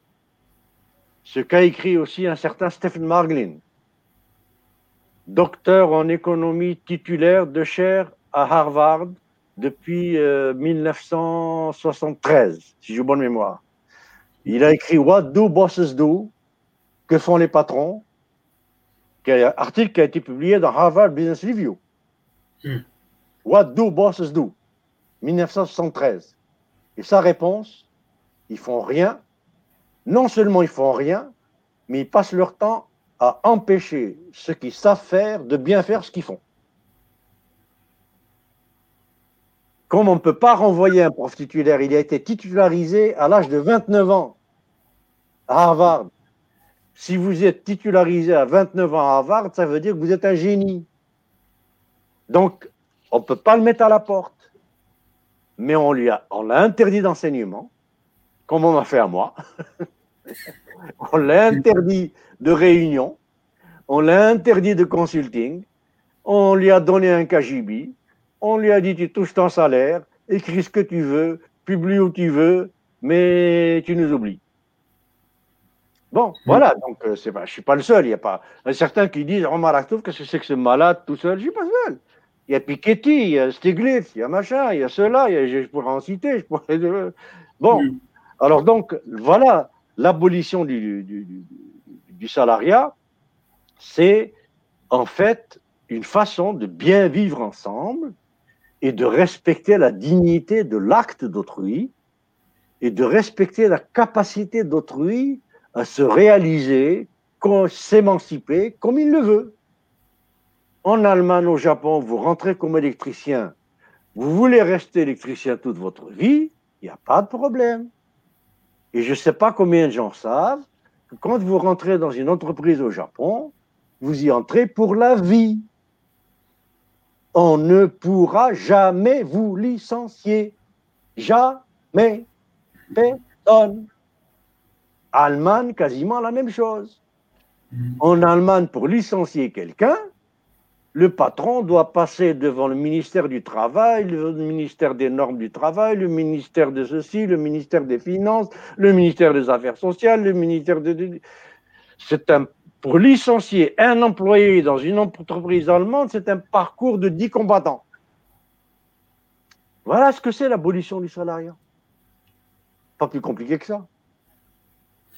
Ok. Euh, on va essayer, en fait, euh, dans votre livre euh, que, je, que je pose ici, La stratégie de l'autruche, vous proposez en fait, euh, après avoir, comme un docteur, après avoir euh, analysé euh, ou diagnostiqué les malheurs ou les problèmes du système économique et managérial à l'américaine, après avoir diagnostiqué, comme je disais, vous proposez une, une solution qui disait une plus-value consentie, optimale et partagée. Pouvez-vous développer plus cette idée, s'il vous plaît? Oui, alors ben, c'est tout à fait relié à la question d'abolition du salariat. Euh, le, salariat, c'est une valeur ajoutée accaparée, euh, ce qu'on appelle le surtravail. C'est-à-dire, si vous travaillez dans une journée, euh, bon, disons 8 heures, mais au bout de 2 heures, vous avez déjà gagné ce qui rembourse votre salaire de la journée. Il y a 6 heures nettes qui vont dans la poche du patron. C'est ce qu'on appelle le surtravail. C'est ça ce qu'on appelle le profit de ce qui s'ensuit. Bon. Ensuite, il y a ce que j'analyse comme étant le, statut scientifique du profit dans le chapitre 6. Mais ça, ça fait appel à la thermodynamique. A tellement de choses qu'il faudrait que, s'il vous plaît, qu'on consacre un webinaire spécial là-dessus aussi. Ça, vaudra la peine. parce que c'est une, une, démonstration qui est en train de faire du bruit un peu partout dans le monde, et notamment en Belgique où euh, il y a des gens qui sont en train de reprendre cette idée pour construire dessus, etc. Bon, enfin, on y reviendra. Mm. Donc, euh, alors voilà, donc le, euh, plus-value consentie, valeur ajoutée consentie, partagée, etc. C'est tout simplement ce que je viens de dire sur le Japon, euh, sur l'Allemagne, pas plus que ça. Et quand on a ça, eh bien, consenti, ça veut dire que ce qu'il faut obtenir de l'ouvrier, quand on est un manager ou un gestionnaire ou un patron, ce qu'il faut obtenir de l'employé, ce n'est pas son obéissance. Moi, tout patron, tout gestionnaire, tout manager qui ne sait que se faire obéir, je le fous à la porte. Se faire obéir, c'est très simple. Il suffit de recruter un sergent de gendarmerie qui sait gueuler et puis c'est tout. Mais ce n'est pas ça le rôle du manager. Le rôle du manager et du patron, c'est d'obtenir le consentement de chacun de ses employés et le bon vouloir de chacun de ses employés pour que cet employé mette effectivement son intelligence, sa créativité, sa vigilance, etc., dans ce qu'il fait. Parce que ça, ça ne se commande pas, ça ne s'achète pas, ça ne s'impose pas, ça ne se manipule pas, ça s'obtient. C'est ce qu'un certain philosophe français, Henri Bergson, appelait le contrat consentement. On fait un contrat, je suis patron, contrat d'embauche, ma partie du contrat, c'est te payer ceci, cela, cela, te donner un poste, te donner les outils, te donner... Voilà. Ta partie du contrat, c'est de fournir tel, tel, tel rendement de pièces, de moteurs réparés, de ceci par jour, par mois, mais contrat consentement, pas contrat obligation. Et contrat consentement veut dire que les deux parties contractantes contribuent à rédiger et à penser le contrat qui les lie. Donc ça peut se faire par voie syndicale, ça peut se faire par voie de comité d'ouvriers, ça peut se faire de mille et une façons. Bon, donc c'est ça que j'appelle consenti. Alors, à partir du moment où on obtient de l'ouvrier, de l'employé ce consentement-là, de mettre son intelligence, sa vigilance, etc., son inquiétude de bien faire, de, de, de, euh, de faire en sorte que... Moi, je ne connais pas un être humain qui a du plaisir gratuit à mal faire ce qu'il fait. Ça n'existe pas. N'importe quel être humain est hyper malheureux de mal faire ce qu'il fait. Combien d'ouvriers, parce que moi quand je fais de la recherche, de la consultation, je le fais en ethnométhodologie. C'est-à-dire que je fais une observation participante, je vais avec les employés, je travaille avec eux, je fais ce qu'ils font et je me mets dans leur peau et j'essaye de voir de leur point de vue, dans leur peau, qu'est-ce qui se passe pourquoi est-ce que le patron se plaint. Bon, eh bien, la plupart du temps, 80%, il y a un Américain qui a écrit là-dessus qui s'appelle Sprouse, ça s'intitule Sabotage within the American Workplace. Tenez-vous bien, sabotage within the American Workplace. Ce que dit ce, ce Sprouse dans ce livre, c'est que l'Amérique d'aujourd'hui, donc, euh, c'était un livre qui date des années 90, si j'ai bonne mémoire, enfin, début 2000 peut-être. De l'Amérique d'aujourd'hui, c'est un, hum, psychosociologue, euh, spécialiste de management, etc., consultant, je sais pas quoi. Passons. Donc, il, a fait du consulting, un peu comme j'ai fait moi, en observation participante, dans les banques, dans les entreprises d'automobiles, de pièces détachées, de ceci, de cela, de, de de services, de tourisme, de tout ce que vous voudrez. Et ce qu'il a trouvé, c'est ceci. Le plus grand problème de l'entreprise américaine d'aujourd'hui, ce n'est pas d'augmenter la motivation de leurs employés, c'est d'éviter la sous-motivation et d'éviter qu'ils ne sabotent. Hmm. Parce qu'un être humain qui est traité en objet, qui ne ressent pas d'estime, qui est traité comme, comme, comme, comme, un outil, qui est, etc., qui est méprisé, qui est ceci, qui est cela, eh bien, tout ce qu'il va donner dans son travail, c'est sa réaction au mépris. C'est sa réaction à la façon dont on le traite, ce qu'on appelle l'aliénation. Et alors, il va saboter. Et saboter, qu'est-ce que c'est? C'est une contre-agression que fait l'employé qui est agressé par la façon dont on le traite, dont on le maltraite dans l'entreprise, parce que exiger toujours plus, toujours plus, toujours plus avec moins de l'employé, c'est de la maltraitance. Quand vous êtes maltraité, vous êtes agressé, et l'agression appelle la contre-agression. Vous ne pouvez pas foutre un coup de poing dans la tête de votre contremaître, vous perdez votre poste, mais vous pouvez saboter la pièce que vous faites. Alors, il a vu, par exemple, dans euh, une usine de production de voitures chez Ford, un employé qui lui a avoué, parce que pour travailler en méthodologie, il faut finir par, devenir ami avec les ouvriers.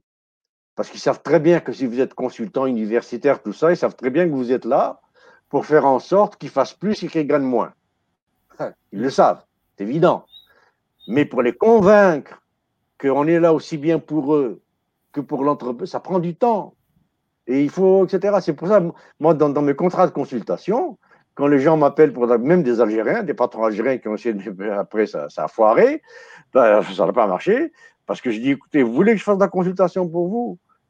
J'écoute votre problème, vous me le dites, ce que vous pensez de votre problème, mais je vais d'abord passer minimum, minimum une à deux semaines par atelier, par usine de votre entreprise, avec les employés. Ce qui peut faire deux mois, trois mois. Alors ces patrons, ils s'imaginent que ce que je veux, c'est gagner trois mois de consultation en plus. Et donc, euh, les contrats s'arrêtent là. Mais ça s'arrête là parce que moi, ça ne m'intéresse pas d'aller prendre un problème qui est la rationalisation et la, la, folie à plusieurs, le délire à plusieurs du patron et de ses collaborateurs qui sont en collusion, et faire semblant que ce problème, c'est le vrai problème, et faire semblant de trouver des solutions, et dire évidemment que les coupables, c'est toujours tout le monde, sauf les patrons. Vous voyez un peu comme c'est commode, ça, le management américain? Quand ça va bien dans une entreprise, c'est grâce au patron. Et quand ça va mal, c'est jamais sa faute. Jamais. Et dit, vous mettez n'importe quel, quel, chameau à la tête d'une entreprise, il est capable de faire ça. Bon, alors voilà un peu, donc, euh, consenti, etc., tout ce que ça implique. Ok. Donc, on va essayer de passer à la deuxième rubrique de, l'émission, c'est cache euh, ta'liqat, cache commentaires, cache comments. Donc, il y a pas mal de commentaires. On va essayer de commencer avec euh, Sarah H qui dit pas question et comment l'être humain va arriver à balancer entre l'économie et l'environnement? Très long pays, il ne faut pas que c'est la barrière de la nature. Ma question est comment être humain va arriver à balancer entre l'économie et le Bon, euh, écoutez, ça c'est à la fois, si on se fie aux sciences exactes, biologie, physique, biophysique, etc., c'est à la fois simple, mais aussi complexe si on voit du côté des folies, des caprices des humains. Non. Ce qu'il faut comprendre, c'est que la nature c'est que des équilibres. Tout est équilibre dans la nature. Tout. Ça, c'est Aristote, c'est dans l'islam, c'est dans, etc., c'est dans le bouddhisme, c'est dans. Bon. Donc, tout est équilibre. Il n'y a aucun maximum de rien, aucun minimum de rien. Tout est équilibre. Bon. Alors, équilibre entre quoi et quoi? Équilibre entre quantité d'eau dans une rivière, et quantité de forêt, de végétation, etc., etc., que cette rivière peut alimenter en limon, en fertilisant, en eau, en hydratation, tout ce que vous voudrez. Bon. Vous détournez cette rivière d'un iota, et eh bien vous venez de rompre un équilibre quelque part. Il y a quelque part une, race d'arbres, une espèce de tortue, une espèce de scorpion, de, serpent, de je sais pas quoi, qui n'aura plus le couvert végétal que ces taux que vous avez détournés permettaient d'avoir, etc. Et puis là, il y a toute une série de cycles de, de, de bio-vie qui se déclenchent et qui va depuis le végétal jusqu'à l'être humain et la société humaine. Donc, euh, comment garder cet équilibre avec la nature? C'est d'abord commencer à admettre cette phrase de John Hobson que je citais tout à l'heure. Arrêtez la folie de l'enrichissement individuel. Stop. La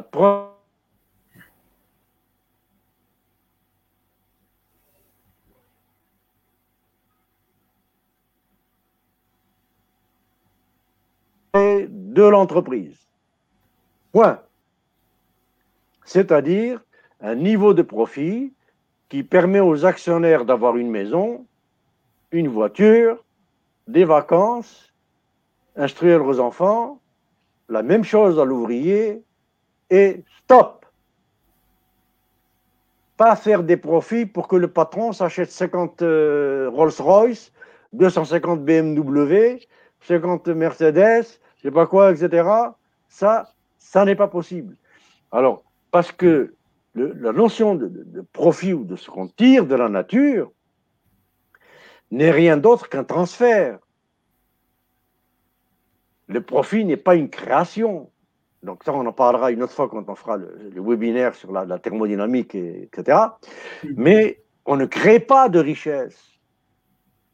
Dites-moi, s'il vous plaît, est-ce que le boucher qui fait du profit avec des beefsteaks, est-ce qu'il crée les beefsteaks? Bon. Mais on dit qu'il crée des profits. Si on dit qu'il crée des profits, ça veut dire qu'il crée les beefsteaks. Mais il ne crée pas les beefsteaks. Il transforme une vache en beefsteak. Mais une fois qu'il a transformé cette vache en beefsteak, le problème, c'est qu'il n'y a plus de vaches. Et l'autre problème, c'est que le boucher, il ne sait pas fabriquer une vache. Bon. Alors, si ce boucher veut continuer à vendre du beefsteak et faire de l'argent, il a intérêt à respecter ce qu'il faut pour que les vaches continuent à vivre et à se reproduire pour lui permettre de faire du beefsteak. Hmm. Dès qu'il commence à faire de l'argent qui ralentit le rythme de reproduction des vaches, stop. Alors voilà ce que doit être les équilibres avec la nature il y a deux niveaux au profit, deux limites. Une limite, c'est faire des profits, oui, mais au moment où mes profits commencent à fabriquer des chômeurs, des pauvres et de l'évasion fiscale, stop. L'autre, au moment où mes profits commencent à polluer, stop. Les profits s'arrêtent là. C'est ce que font les Japonais, c'est ce que font les Allemands, c'est ce que font les Scandinaves, c'est ce que fait Cascade, cette entreprise purement québécoise, capitaliste, nord-américaine, qui a choisi de faire des profits raisonnables, pas des profits maximum, qui ont choisi des, euh, des procédés de blanchiment, par exemple de pâte à papier, qui sont basés sur l'oxygène et sur des produits naturels qui sont très coûteux et qui obligent à faire moins de profit plutôt que de blanchir au chlore qui permet de faire beaucoup de profit mais qui pollue. C'est des gens, par exemple, qui partout s'installent, un dollar dans l'entreprise, c'est ce qui se passe un peu en Chine, bon, c'est notre affaire, quand on parlera de la Chine, je vous expliquerai ça. Un dollar dans l'entreprise, dans la poche des patrons, un dollar dans l'amélioration de tout ce qui entoure l'usine, tout. Le village, le parc du village, l'école du village, l'hôpital public du village. S'il n'y a pas de médecin, l'entreprise embauche un médecin pour qu'il vienne travailler dans le village où il y a leur usine, à leurs frais, parce qu'ils ont intérêt à ce que leurs employés qui viennent de ce village soient en bonne santé. Ils n'ont un peu intérêt à avoir des employés qui, quand ils tombent malades, ils trouvent personne pour les soigner. Ils ont intérêt à ce qu'ils soient instruits, donc il y a une bonne école. Ils ont intérêt à ce qu'ils respirent du bon air, donc ils soignent le parc, ils soignent le, le cours d'eau, ils soignent le paysage. Voilà, ça se fait, ça existe. Et c'est des gens qui sont riches, mais qui sont riches raisonnablement. Le super PDG, la super gaderie qui s'est payée dans toute sa vie, une multinationale de près de 20 000 employés, c'est une Ferrari. Il s'est acheté une Ferrari. Pas 36. Et il vit toujours dans la même maison, dans le village où il est né, où sont nés ses parents. Hmm. Donc ça existe, ça peut se faire, pas compliqué. Alors voilà. Est-ce qu'il y a d'autres questions on, passe au deuxième commentaire d'un certain Zaki. Donc il dit parle-nous d'économie de, l'Algérie. J'ai pas compris la question. Il, demande que, que, vous parlez de l'économie de l'Algérie. L'économie de l'Algérie oui. Ah, bah, écoutez, euh, en parler en deux minutes, c'est impossible, évidemment. Mais, mais, très rapidement, malheureusement, l'économie en Algérie, écoutez, il n'y a pas d'économie algérienne.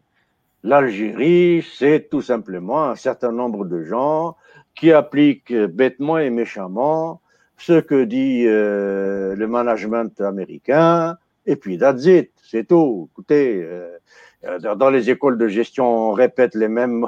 Moi, je pose cette question à, nos, écoles de gestion et d'économie, euh, business economics, qui poussent comme des champignons. Qu'est-ce que vous apportez de plus aux étudiants algériens d'aujourd'hui que ce qui a été fait depuis les années 40, 50, 60 du siècle dernier? Hmm. Depuis la stratégie jusqu'à la motivation. On répète Chandler, Hansoff, Mayo, Herzberg. Qu'est-ce qu'on amène de nouveau? Alors, elle est où cette économie algérienne Oui, on applique bêtement et, moins bien ce que d'autres ont pensé, qui sont des Américains et des Français, je ne sais pas quoi, et puis c'est tout. Bon, parce que quand je parle de modèle économique, je ne peux pas ne pas parler de modèle managérial. Ça, ça, va ensemble, tout ça. Mm. Alors, donc, l'économie algérienne, malheureusement, elle est à la remorque de l'économie euh, à la US, elle est à la remorque de l'économie financière, moi, quand j'entends dire qu'on veut une bourse à Alger, etc., je dis d'accord. Mais quelle bourse voulez-vous? Il y a la bourse à l'américaine et à la bourse à l'allemande. Voilà scandinave, voilà japonaise. La bourse à l'américaine, c'est la bourse de spéculation financière maximaliste. La bourse allemande, c'est une bourse où il est interdit par la loi de distribuer des dividendes aux actionnaires qui dépassent d'un centime la valeur réelle de l'entreprise. Bon. Alors juste avec ces deux éléments, il y a une différence de nature, une différence colossale entre une bourse à l'américaine et une bourse à l'allemande. Alors, quelle bourse vous voulez à Alger? Ben, Bien évidemment, ça va être une bourse à l'américaine. Alors, elle est où cette économie algérienne? C'est du tâtonnement, c'est de, on navigue à vue. Depuis, bon, l'époque boumedienne, l'époque des non-alignés, l'époque tout ça, il y avait quand même une vision de développement autocentré. Euh, J'étais directeur de la formation sélection à Sonatrach. J'ai envoyé des milliers, des milliers d'Algériens se faire former à l'étranger, comme a fait la Chine, comme a fait le Brésil, comme a fait le Japon, etc. Euh, bon, on commençait à vouloir faire de l'industrie nationale, à vouloir diversifier, faire de la pétrochimie. Aujourd'hui, même la pétrochimie qu'on avait commencé du tout temps de Boumien, elle n'existe plus. Le fait qu'on vende du pétrole, le pétrole, le pétrole, c'est pas juste du liquide qui brûle. Le pétrole, c'est 30 000 dérivés. Depuis votre cravate, votre chemise, votre, votre pyjama, votre rouge à lèvres, vos lunettes, votre télévision, c'est plein de pétrole. Alors pourquoi nous, on vend du pétrole brut alors qu'on a 60 ans d'indépendance? Pourquoi on ne vend pas un dixième des 30 000 produits qu'on peut faire à partir du pétrole et qu'on appelle la pétrochimie? Ben, Tout simplement parce que, un, comme vous l'a expliqué mon, mon ami Alain Deneau il y a quelques, temps euh, sur le comportement des multinationales et de l'Occident vis-à-vis des pays du tiers-monde, l'Occident, les multinationales, les pays nantis ont tout intérêt à nous maintenir tous sous leurs bottes. Donc, surtout pas qu'on invente une économie qui nous soit propre, surtout pas qu'on ferme nos frontières et qu'on dise, bon, on veut rien savoir de vous, comme l'a fait Alter.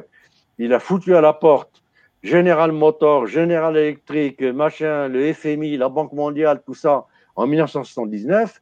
Et il a dit, notre huile de palme, on va le transformer, on va le transporter en bicyclette depuis les palmiers à huile jusqu'au port. Et je vais faire travailler des milliers de Malaisiens à conduire une bicyclette avec 5 litres d'huile de, palme chacun, plutôt que d'utiliser un camion de General Motors ou de, ou de Chrysler pour un chauffeur et payer des millions aux Américains. Bon, ils veulent surtout pas qu'on fasse ça. Surtout pas.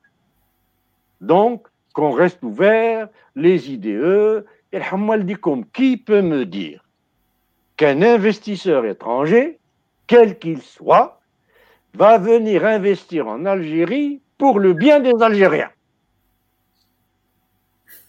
Qui? Personne. S'il vient investir, c'est d'abord pour lui. bon.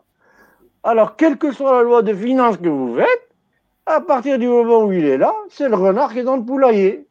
Et quand vous n'avez pas la technologie, vous n'avez pas les, les, produits semi-finis, vous n'avez pas les liants, même aujourd'hui, si on veut fabriquer, je sais pas moi, après la pétrochimie, ne serait-ce que des, des, des, palettes de freins à disque, enfin, peu importe.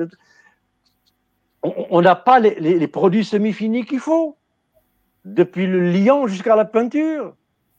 Il faut qu'on aille les importer, les adjuvants, les machins. Alors voilà, donc il n'y a pas d'économie. Il y en aura le jour où on aura une vision d'une économie auto-centrée. Une économie algérienne qui compte sur ses ressources. Et ces ressources transformées en ressources productives et non pas en rente accaparée par tout ce qu'on sait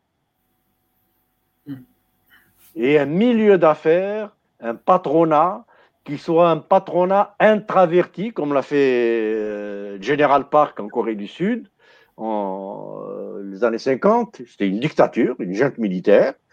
Mais General Park a dit aux grandes familles euh, productrices, c'est comme les, les, daibatsu japonaises en, Corée, ce sont des aïbols c'est des grandes familles, comme en Malaisie aussi. Enfin, dans toutes ces régions-là, il y a des grandes familles comme les shoguns, les machins au Japon, des grandes familles, qui, des clans, tout ça, qui, comme en Chine aussi, qui sont un peu l'ossature de la sociologie, de la sociopolitique et de la socio-économie de, ces pays-là.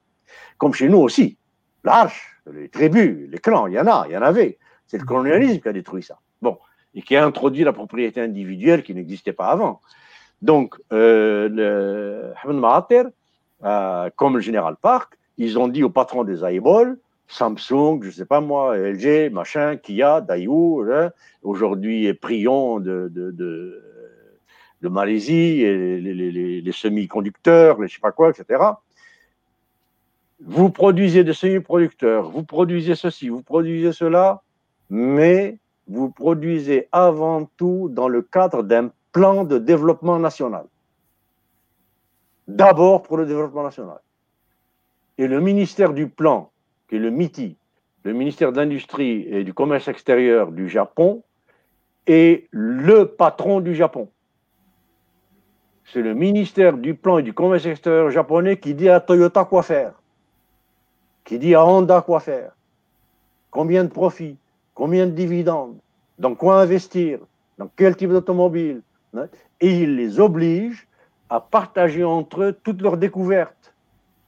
Ce qui fait que quand Honda ou Samsung ou Daewoo ou Kia ou je ne sais pas, ou Toyota invente un nouveau système de freinage, un nouveau système de distribution, pas quoi, ils le partagent immédiatement avec tous les autres constructeurs automobiles du Japon. Ce qui fait que l'industrie automobile japonaise monte. Tandis que dans les entreprises américaines, françaises, etc., comme nous, chacun garde jalousement pour lui et il a des espèces d'espions et de contre-espions pour surveiller l'espionnage de l'autre. Et si moi, euh, une entreprise algérienne de bicyclettes à tiarette, je découvre un moteur révolutionnaire euh, qui marche au courant d'air pour des bicyclettes, eh ben, je le garde pour moi, je le donne surtout à personne pour faire un brevet, que je, fais de l'argent dessus. Non. Malaisie, machin, tu as bon, tu fais de l'argent raisonnable. Et tu partages ça pour d'abord le bien de la Malaisie. Ensuite, le bien de, de citoyens. Ensuite, le bien de l'employé. Et ensuite, le bien des patrons et des actionnaires. Donc, on va passer au dernier commentaire de Nesso. Euh, euh, je m'excuse à Abdullah Brahimi parce que c'est presque la même, euh, la même question. Donc, vous, croyez, vous croyez que le Covid-19 est une guerre réelle qui vise de réorganiser le système économique mondial pour l'intérêt des puissances mondiales? Ben, écoutez, euh, personnellement, je ne suis partisan d'aucune euh, théorie du complot. On sait, bon, il y a ce qu'on appelle la théorie du complot euh, un peu partout, mais comme par hasard, quand c'est le gouvernement américain qui invente toute une théorie du complot, qui dit qu'il y a un certain vieillard qui s'appelle Ben Laden qui est dans une grotte en Afghanistan qui lance des avions sur New York et après on se rend compte que tout ça c'était mensonge sur mensonge jusqu'à l'invasion de l'Irak, eh bien personne ne parle de théorie du complot. Mais on parle de théorie du complot quand c'est l'inverse. Quand on dit les Américains nous mentent, le gouvernement français nous ment, ils nous manipulent, et avec le H1N1, ils ont fait renflouer les, les, laboratoires pharmaceutiques qui ont fait élire euh, Trump et compagnie, etc. Ça, ça s'appelle théorie du complot. Bon, donc il y a un complot partout et, et moi je trouve que les gouvernements, à commencer par le gouvernement américain, nous ont tellement menti. Vous savez, Donald Trump, euh, George Bush, pour envahir l'Irak, il a fabriqué 963 mensonges, comptés, hmm. vérifiés, publiés par Washington Post. Aujourd'hui, Donald Trump, après quatre ans de présidence, il en est à pas loin de 20 000 mensonges. 20 000. Hmm. Bon. Alors, on nous ment tellement qu'on ne sait plus quoi croire.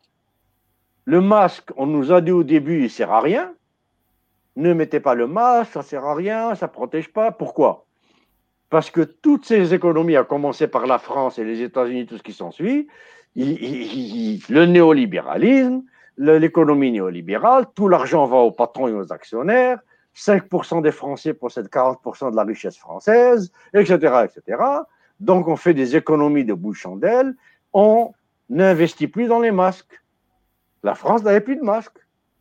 Alors plutôt que de courir le risque de dire aux gens oui ça protège mais on n'en a pas, ils vont mieux mentir.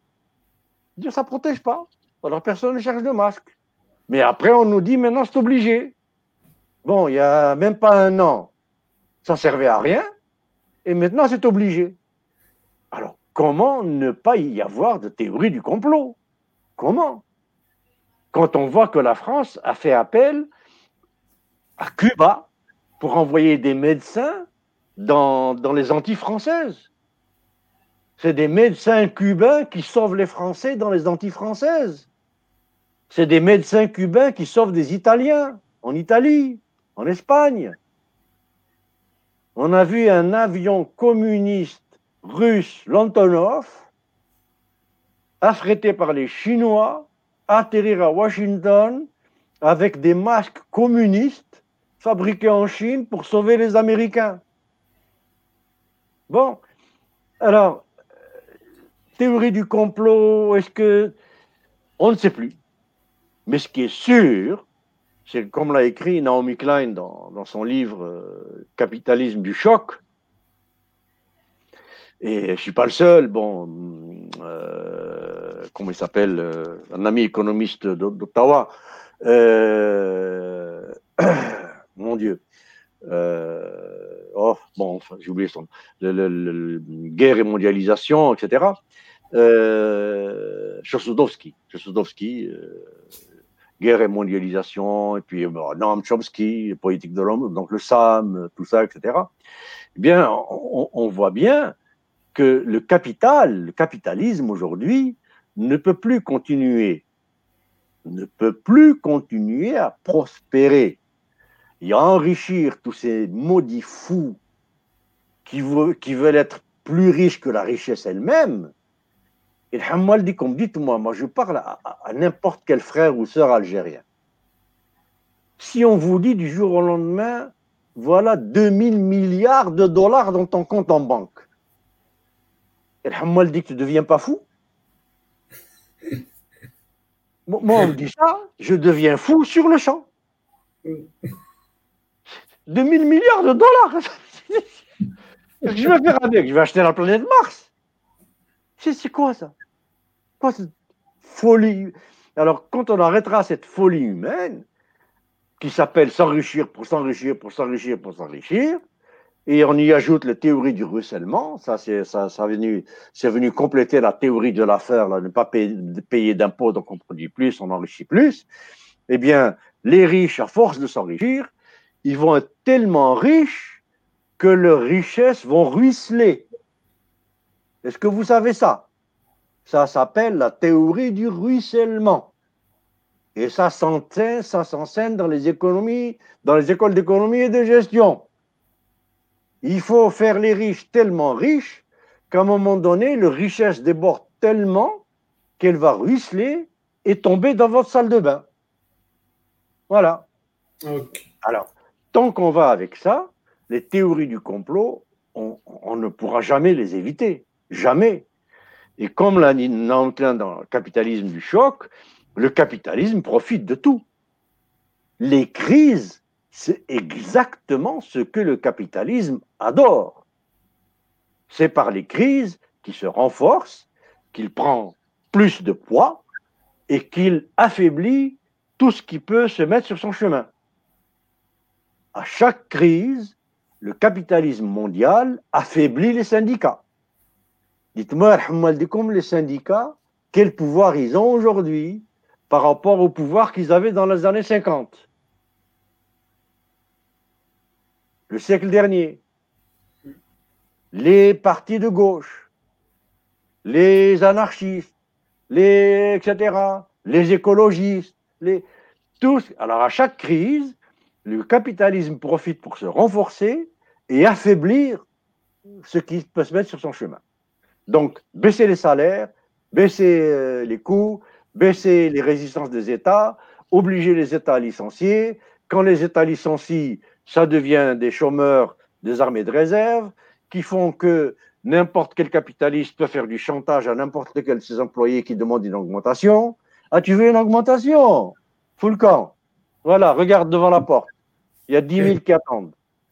Il y a eu, je me rappelle, il y a deux ou trois ans, un poste, un poste affiché à candidature pour je ne sais plus quel un emploi de, je ne sais plus, je pense que c'était chef d'une station de postale ou quelque chose comme ça au Canada, pour un poste, 15 000 curriculum vitae. 15 000. Bon, on va où là?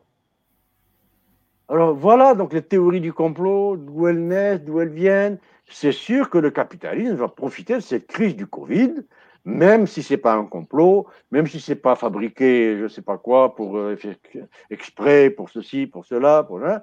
Le capital mondial va en profiter pour encore une fois renforcer ses positions et affaiblir euh, tout ce qui euh, tout ce qui peut lui faire obstacle et rendre plus disponible tout ce dont il a besoin dans nos pays, dans le tiers-monde, etc., etc., en, affaiblissant toujours les plus faibles.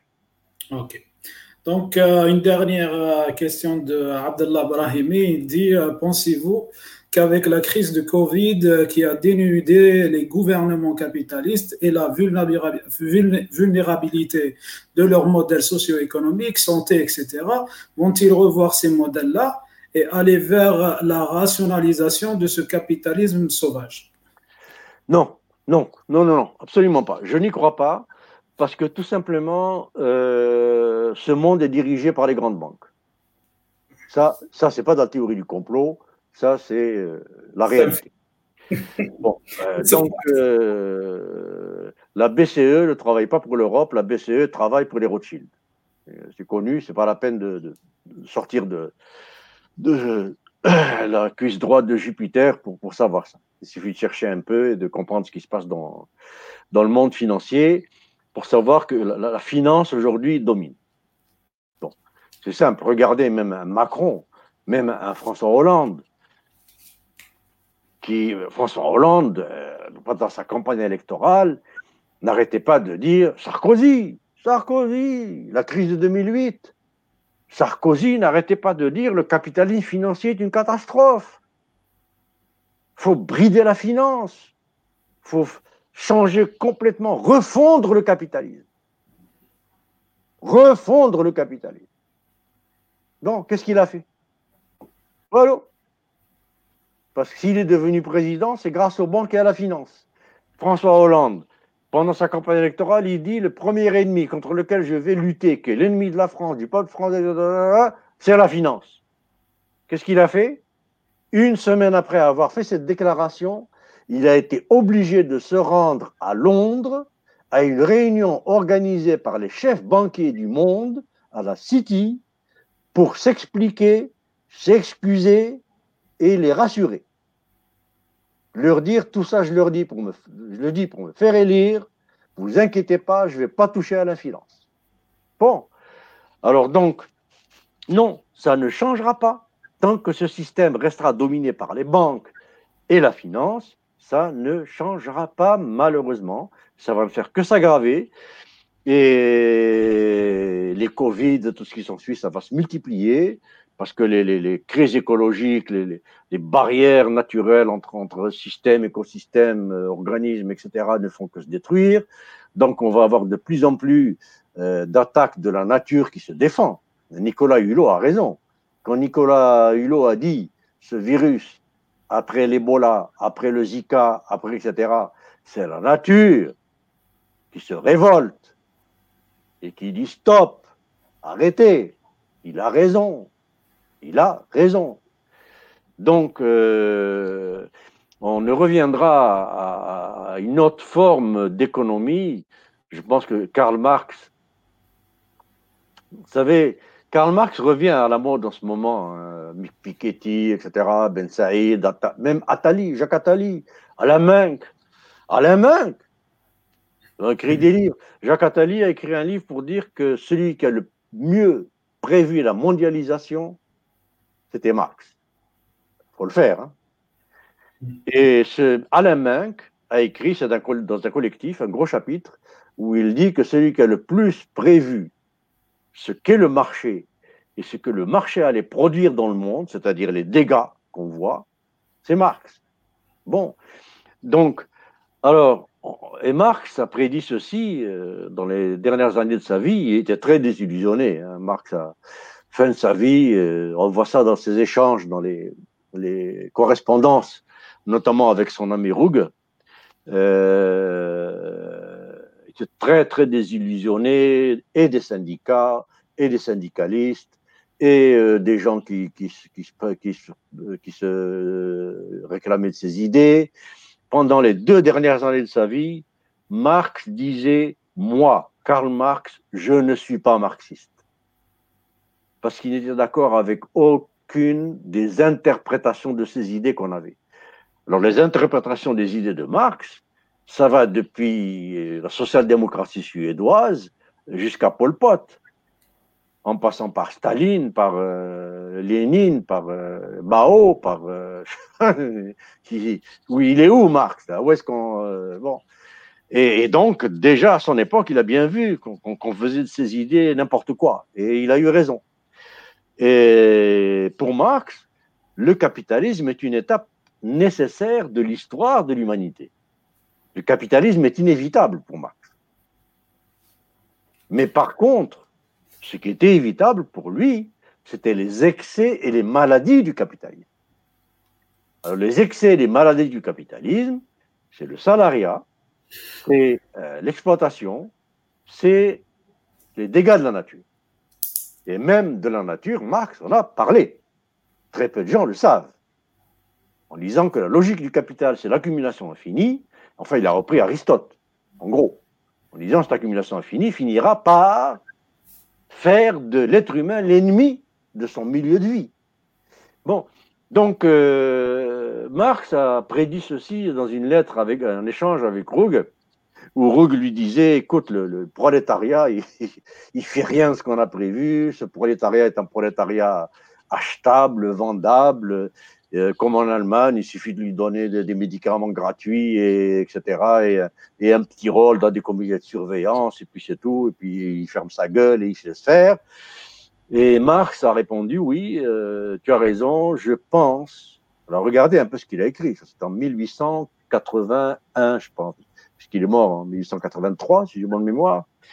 Et euh, il a écrit Le prolétariat ne bougera vraiment en tant que prolétariat qui sait, qui comprend ses intérêts et qui ira collectivement avec une conscience collective dans le sens de l'histoire, c'est-à-dire dans le sens où on arrête les dégâts du capitalisme, pour Marx, le capitalisme est nécessaire parce que c'est une phase historique qui permet euh, l'immobilisation du capital fixe et ce qu'il appelait les bases matérielles du socialisme.